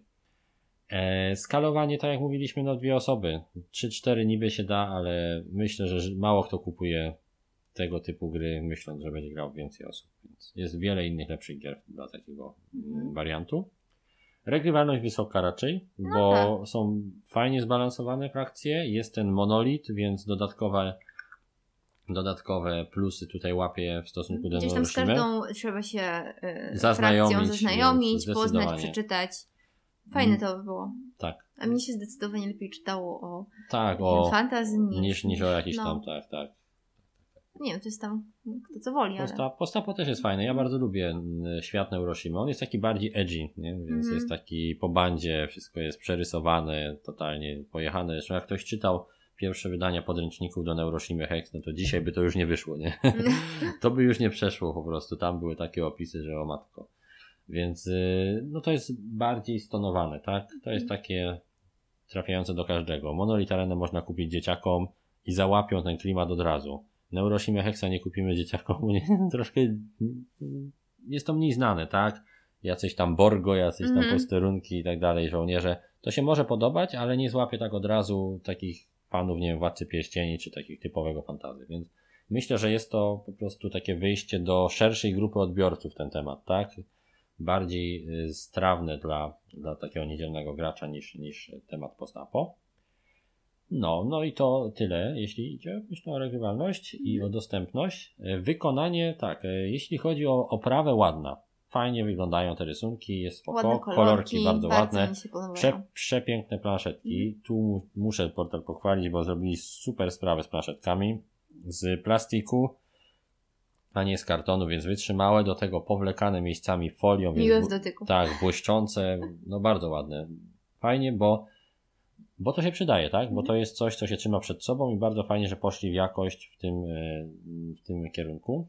Natomiast troszkę gorzej jest w innych kwestiach, bo e, gry portalu dzielą się na te, które wydają sami i Mhm. gry i te, które są re, e, edycjami polskimi gier zagranicznych. W pierwszym przypadku mają wpływ na, portal ma wpływ na to, jakiej jakości będzie gra, w Mhm. drugim przypadku raczej niewielki, bo to jest druk międzynarodowy. No i niestety w przypadku gier, które portal drukuje sam, elementy żetonów są strasznie cienkie, strasznie liche moim zdaniem i raczej tak e, słabo mm, nadrukowane. To się wszystko zdziera nam. Dostaliśmy do recenzji ten tytuł i już plansza gracza miała odpryski Mhm. farby, które po prostu kawałki za- zaschniętej farby, która odpadła i pozostały białe plamki. Akurat styl graficzny jest taki, że one wyglądają jak po prostu zrobione jakieś tam celowo, ale no nie Ale wygląda na to fajnie. ktoś, kto będzie jeździł na jakieś turnieje, Konwenty, to, no tak, to będzie konwenty, słabo. No to, będzie bardzo się No będzie się ścierać, po ścierać, pewnym czasie. No, no. ale to już tak. No ta, ta, taka tak jest już no. natura rzeczy z grami, e, jeśli chodzi o, o gry, Mhm. które się opierają na żetonach. Wiele pewnie by się nie dało mocniej zadziałać, natomiast no właśnie ten taki cieniuteńki papier, który jest, po, którym są powlekane żetony portalu, no jest dla mnie takim minusem trochę u nich i mogłoby się to troszeczkę poprawić, myślę. Byłoby lepiej. Jakoś nie wiem czemu, wydaje mi się, że te stare żetony z Neuroshimy 2,5 były bardziej wytrzymałe, ale to nie wiem, nie wiem, mniej, mniej Hmm. mi się dewastowały niż te z tych nowszych ich gier, ale to może nie wiem. Może jestem bardziej barbarzyński na starość. Kto to wie. E, Zdecydowanie e, wykonanie mogłoby być troszkę lepsze, ale to jest ok. Myślę, że do domu nie będzie problemów z tym. Nie. Tak? Oprawa jest piękna i nadrabia, planszetki są cudowne i powinni się uczyć inni jak robić planszetki tutaj od portalu, bo są naprawdę świetne. Jak zobaczyłam te Chyba planszetki, to byłam widziałem. w szoku, bo nie Tak, przypuszczałam, że one tak wyglądają No, i że są w takiej rzeczywistości. jakości. Mhm. No, zdecydowanie. Najfajniejsze takie podkładki, jakie mieliśmy w rękach, jeśli chodzi o planszów, planszówki, zdecydowanie i designersko też fajnie. Mhm. Więc jest brawo. Instrukcja raczej rzeczowa, fajnie poopisywane wszystkie e, sytuacje. No jest kilka jakichś tam drobnych potknięć, śmieszne tłumaczenie e, monolitów, bo w oryginale się je rozkłada po angielsku, e, a tutaj przetłumaczono to, że się rozwijają, tak? Mhm. No, nie wiem, jak się monolit może rozwijać. Może w sensie do sztandaru jest to tak, że to w dywan zawinęliśmy te jednostki i, i rozwijamy i wypadają tam. Jak Kleopatra przy Jak, tak, dokładnie. Tak, Iwona Pierronie, te, te skojarzenia z Asterix i Obelix, misja Kleopatra, nie? No, no jest to takie Nie zabawne mogłam trochę. Nie mogłaś, nie powstrzymać, wiem. Od razu to widziałam. Widziałaś to, no. No tak czy siak, no jest to dziwne, ale taki drobiazg, to tam czepialstwo i tyle z naszej strony. Co do wykonania, jedyna rzecz, która mnie troszkę bawi, to kolory monolitów. Tak pastelowe, jakiś kurczę kanarkowy w takiej grze. Jeden Mm. jakiś taki wyglądający jak jakiś syrop na kaszel zielony. No, takie dziwne trochę. Mogłyby A może być też inne. to był celowy zabieg? No nie wiem, no trochę- pewnie, na pewno celowy, no bo losowo ich nie wybierali. No nie, ale Natomiast wiesz, jaki był jakiś cel tego celu, to nie w wiem. tym. Takie dziwne pastelowe kolorki są, no mogłyby być trochę inne, ale dobra, niech będzie. To jest już czepialstwo naprawdę, no bo musimy znaleźć jakieś... Chcielibyśmy Nie powiedzieć o jakichś minuskach, jakby co. nie? Kojarzą mi się z tymi cukierkami takimi z, Mm, tak. na bransoletce. Pia- pias- takimi Tak. pudrowymi cukierkami, tak. Nie jedzcie monolitów, one szkodzą zdrowiu. No, ale nie, ogólnie jest bardzo spoko. Są plastikowe, są bardzo ładne. Jak ktoś chce, to sobie może je przecież pomalować. Żaden problem. Mhm. Jak sobie zrobi gdzieś tam e, swoim kolorkiem, plus jeszcze łoszem, fajnie to osiądzie w tych, e, tych, w tych żłobieniach, będzie wyglądało super, więc myślę, że dla fanów malowania to jest naprawdę pole do popisu te monolity, bo można je Mhm. upiększyć bardzo ładnie. No i to w sumie tyle. Mocne strony, tak jak podsumowując, to będzie na pewno regrywalność, jak w każdej grze z serii Hex. Zaskakująca tematyczność, naszym zdaniem. Bardzo fajne oddanie tych frakcji. Super zasady monolitów. Niby wariant, niby drobiazg, a podbija regrywalność kosmicznie. Szybka, dynamiczna gra, jak każdy Hex. Super. No a słabe strony, no to niby tylko na dwie, gra, dwie osoby Mhm. tak e, po prawdzie. Nie wiem, czy to minus, no ale trzeba o tym wspomnieć. E, przy dużym katowaniu to jednak dodatki będą, Mhm. będą potrzebne, mimo że i tak się dobrze gra. No i troszkę te, e, te no, jak to się nazywa, wykonanie lekko tych żetonów mogło być lepsze, ale e, nie ma źle. W tej cenie to jest 105 zł za cztery grywalne frakcje, plus te monolity, Monolity. bardzo Mhm. ładną oprawę. Bardzo fajnie. Po 25 zł na frakcję to jest bezcen, moim zdaniem. Super, super gra i zdecydowanie warto ją kupić Będzie cenie. na liście Jest, no będzie, Będzie! oczywiście, że będzie. będzie. Będzie Neuroshima Hex, Monolith Arena to jest zawsze dobry y, pomysł na prezent dla jakiegoś, y, dla młodzieży gdzieś tam. Pakują sobie po prostu te dwie talie do kieszeni, Mhm. planszę można wziąć gdziekolwiek wydrukować i masz świetną rozgrywkę w podróży gdziekolwiek. Bardzo fajne, polecamy. Na okienku w szkole. Tak, e, a słaba strona, o tym jeszcze zapomniałem jedna rzecz. To co zawsze przecież jest przy, przy neuroshimowych grach, co może się nie każdemu podobać, jednak trochę losowości. No, dociąg żetonów może sprawić, że będzie wam się źle grało, nie? Mm, Że na przykład trzy bitwy ci się dociągną. Możesz je odrzucić, możesz pociągnąć drugi raz w tym Mhm. momencie, no ale zmarnujesz te trzy żetony bitwy. Już nie będziesz robić bitwy sama. Więc trzeba o tym pamiętać, że jest to gra, w której jednak tasujemy żetony i one nam dochodzą po trzy sztuki góra. Dobrze tasujcie. No, więc no może się okazać, że wam coś nie wyjdzie, tak? Ale gra jest na tyle szybka, na tyle dynamiczna, że ta jedna przegrana można szybko zagrać drugi raz i jest spoko, więc to jest cecha tej gry, dlatego ma swoich wielkich fanów, jak i też przeciwników, natomiast myślę, że nie jest to jakoś dużo gorsze od jakichś tam karcianek, które też się tasuje. Trzeba pamiętać. I tak to mniej więcej wygląda. No, więc ocena BGGowa Dziewięć. 9. 9 tyle samo, ile Hex kiedyś, ale Hex spadł teraz. Po zagraniu Monolith Areny Hexowi dałbym takie 8, 8,5, Mhm. bo naprawdę Monolith Arena podoba mi się bardziej od Hexa. Może klimat to robi, może wykonanie, może to te monolity, nie wiem. Ogólnie rzecz biorąc podoba mi się naprawdę Mhm. bardziej. Nadal nie jest to moja ulubiona gra Michała Oracza, bo jednak cały czas wyżej cenię sobie Tezeusza. Niestety bardzo niedocenionego, ale wspaniałego. ale dalej jest super. Iwona, Nie, czemu ja- się pukasz Ale w czoło? nie, bo ja mam z Tezeuszem tak, że za każdym razem jak do tego siadam, to oczami na nowo tłumaczyć zasady. Tezeusza? No tak, no bo to jest ten mankalowy system tam. No wiem, no. to jest nie taki... Tak, e, wiesz, na Ma- przykład mankalament tej gry. siadasz i grasz od razu, a tam znowu, to wytłumacz mi tu najpierw. Bo Bo ja tak rzadko gramy. No może dlatego, no. Nie, Tezeusz jest super, ma fajny klimat, ma... Je, uf, super jest po prostu. Teze- Tezeusza, jak macie gdzieś możliwość kupić, kupujcie, bo jest świetny. Niestety jest już raczej wyprzedany, więc pewnie słabo dostępny, ale to jest gra, która powinna dostać drugą szansę od portalu. Jeszcze raz ją powinni wydać, jeszcze raz ją porządnie wypromować, bo, bo szkoda po prostu takiej perełki, żeby gdzieś tam zaginęła w historii planszówek. No, no i tyle. To jest koniec, To jest koniec tego odcinka. podcastu i chyba najwięcej czasu zajęły Kickstartery. E, Porówno wszystko mniej więcej. Jakbyśmy patrzyli pojedynczą recenzję, 50 minut gadaliśmy pograduchów. Myślę, że drugie tyle mniej więcej teraz gadamy o tym, ile tutaj mamy na liczniku. No dwie godziny. Czyli No. tak, godzinka była pierwszej części, godzinka tych dwóch następnych, więc myślę, że spoko.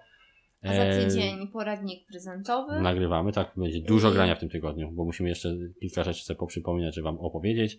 Poradnik będzie w kilku kategoriach, będzie 30 gier, będziemy o nich króciutko mówić, będziemy mówić nasze oceny BGG-owe może, zobaczymy, dla tych gier. Yy, I nie wiem co tam jeszcze, będzie kilka jakby kryteriów, które yy, o kwalifikacji do poradnika zadecydowały, ale o tym już powiem później, żeby nie spoilerować. No a później po nagraniu poradnika za, zakasamy rękawy i siadamy do ogrywania Blackstone, Fortress, do Concordii, do Dead Mental Snow Tales, do jakichś karcianek może jeszcze, do konsol z powrotem, Mhm. bo czeka Skyrim VR, żeby przechodzić dalej. I pewnie do innych tytułów, które jeszcze przyjdą. Do Pandemika zobaczymy, czy to coś się da jeszcze załatwić ciekawego do recenzji. Zobaczymy, no jest tego sporo. River nam przyszło przecież, o Jest zapomnieliśmy. The River będziemy dużo. opowiadać e, z Rebela, czyli nowa gra od Days of Wonders. Zapomnieliśmy całkiem wspomnieć, że przyszła. Więc na pewno też o tym coś powiemy. E, Gier są dziesiątki, a czasu tak mało. Cóż zrobić? A co ty robisz? Ty robisz selfie znowu? Nie, Iwona przyzna się, drugi raz już robisz selfie w czasie podcastu. Powiedzcie jej coś. nie, nie robię selfie. A co robiłeś? Tylko jak mówiliśmy ostatnio o tym podcaście, No. ja tutaj próbuję ustawić się, bo będzie zdjęcie nas w czapeczkach mikołajowych. Aha, ja już to myślam. no, czyli, czyli już patrzysz, jak korzystnie wyglądać. Tak, No, tylko mamy jedną czapeczkę tylko. poustawiałeś jakieś shity na telefonie z powiększonymi Ulepszenie. oczami. Tak, ulepszenie. No, będziesz miał już nowy telefon. Właśnie. No, więc tak, musimy sobie skołować drugą czapkę Mikołajową, bo mamy tylko jedną. I to taką super fajną, więc musimy drugą jakąś taką dla ciebie, Iwona, taką gorszą znaleźć. Lepszą. Dla ciebie Albo ja nie, Iwona, ja ci, nie, ja ci dokleję uszy z plasteliny, ty wiesz elfem. Santa Little Helper. Albo ci dokleimy, Ale no, też musi mieć jakieś albo ci, no, nie jest no tak, mówię, że jest uszy z elf. plasteliny. Jak to nie jest tak? Jest tak. Nie, bo mają zielone czapeczki. Zielone czapeczki mają. Czapeczki, zielone czapeczki. Ja ci pora na głowę położył. Jezus, nie. nie, no dobra. Możesz być Rudolfem, zrobimy ci czerwo- pomidora ci na nosie rozkwaszę. nie, dobra, kończymy to, bo zaczyna się już robić ten tak zwany podcast komediony. Jezus, transwestytów mi tu. Zobaczymy, kim będziemy, tego jeszcze nie wiemy, natomiast wiemy na pewno, że będzie to za tydzień nagrywane i będzie wesoło, bo będzie to na pewno luźne, będziemy e, wspominać sobie rozgrywki w te gry, będziemy sobie żartować, będzie taki troszkę świąteczny już klimacik, więc czekajcie na nasz odcinek e, z poradnikiem prezentowym, bo będzie się o... Ty będziesz choinką. Idź, idź, idź, bo, bo mnie przeżywali, Będzie... drzewo mnie przezywali, Ojej, ty. możemy ci bombki na uszy? Iwona zaczyna kpić ze mnie. To cześć, Pa, pa. Trzymajcie się. Do następnego razu.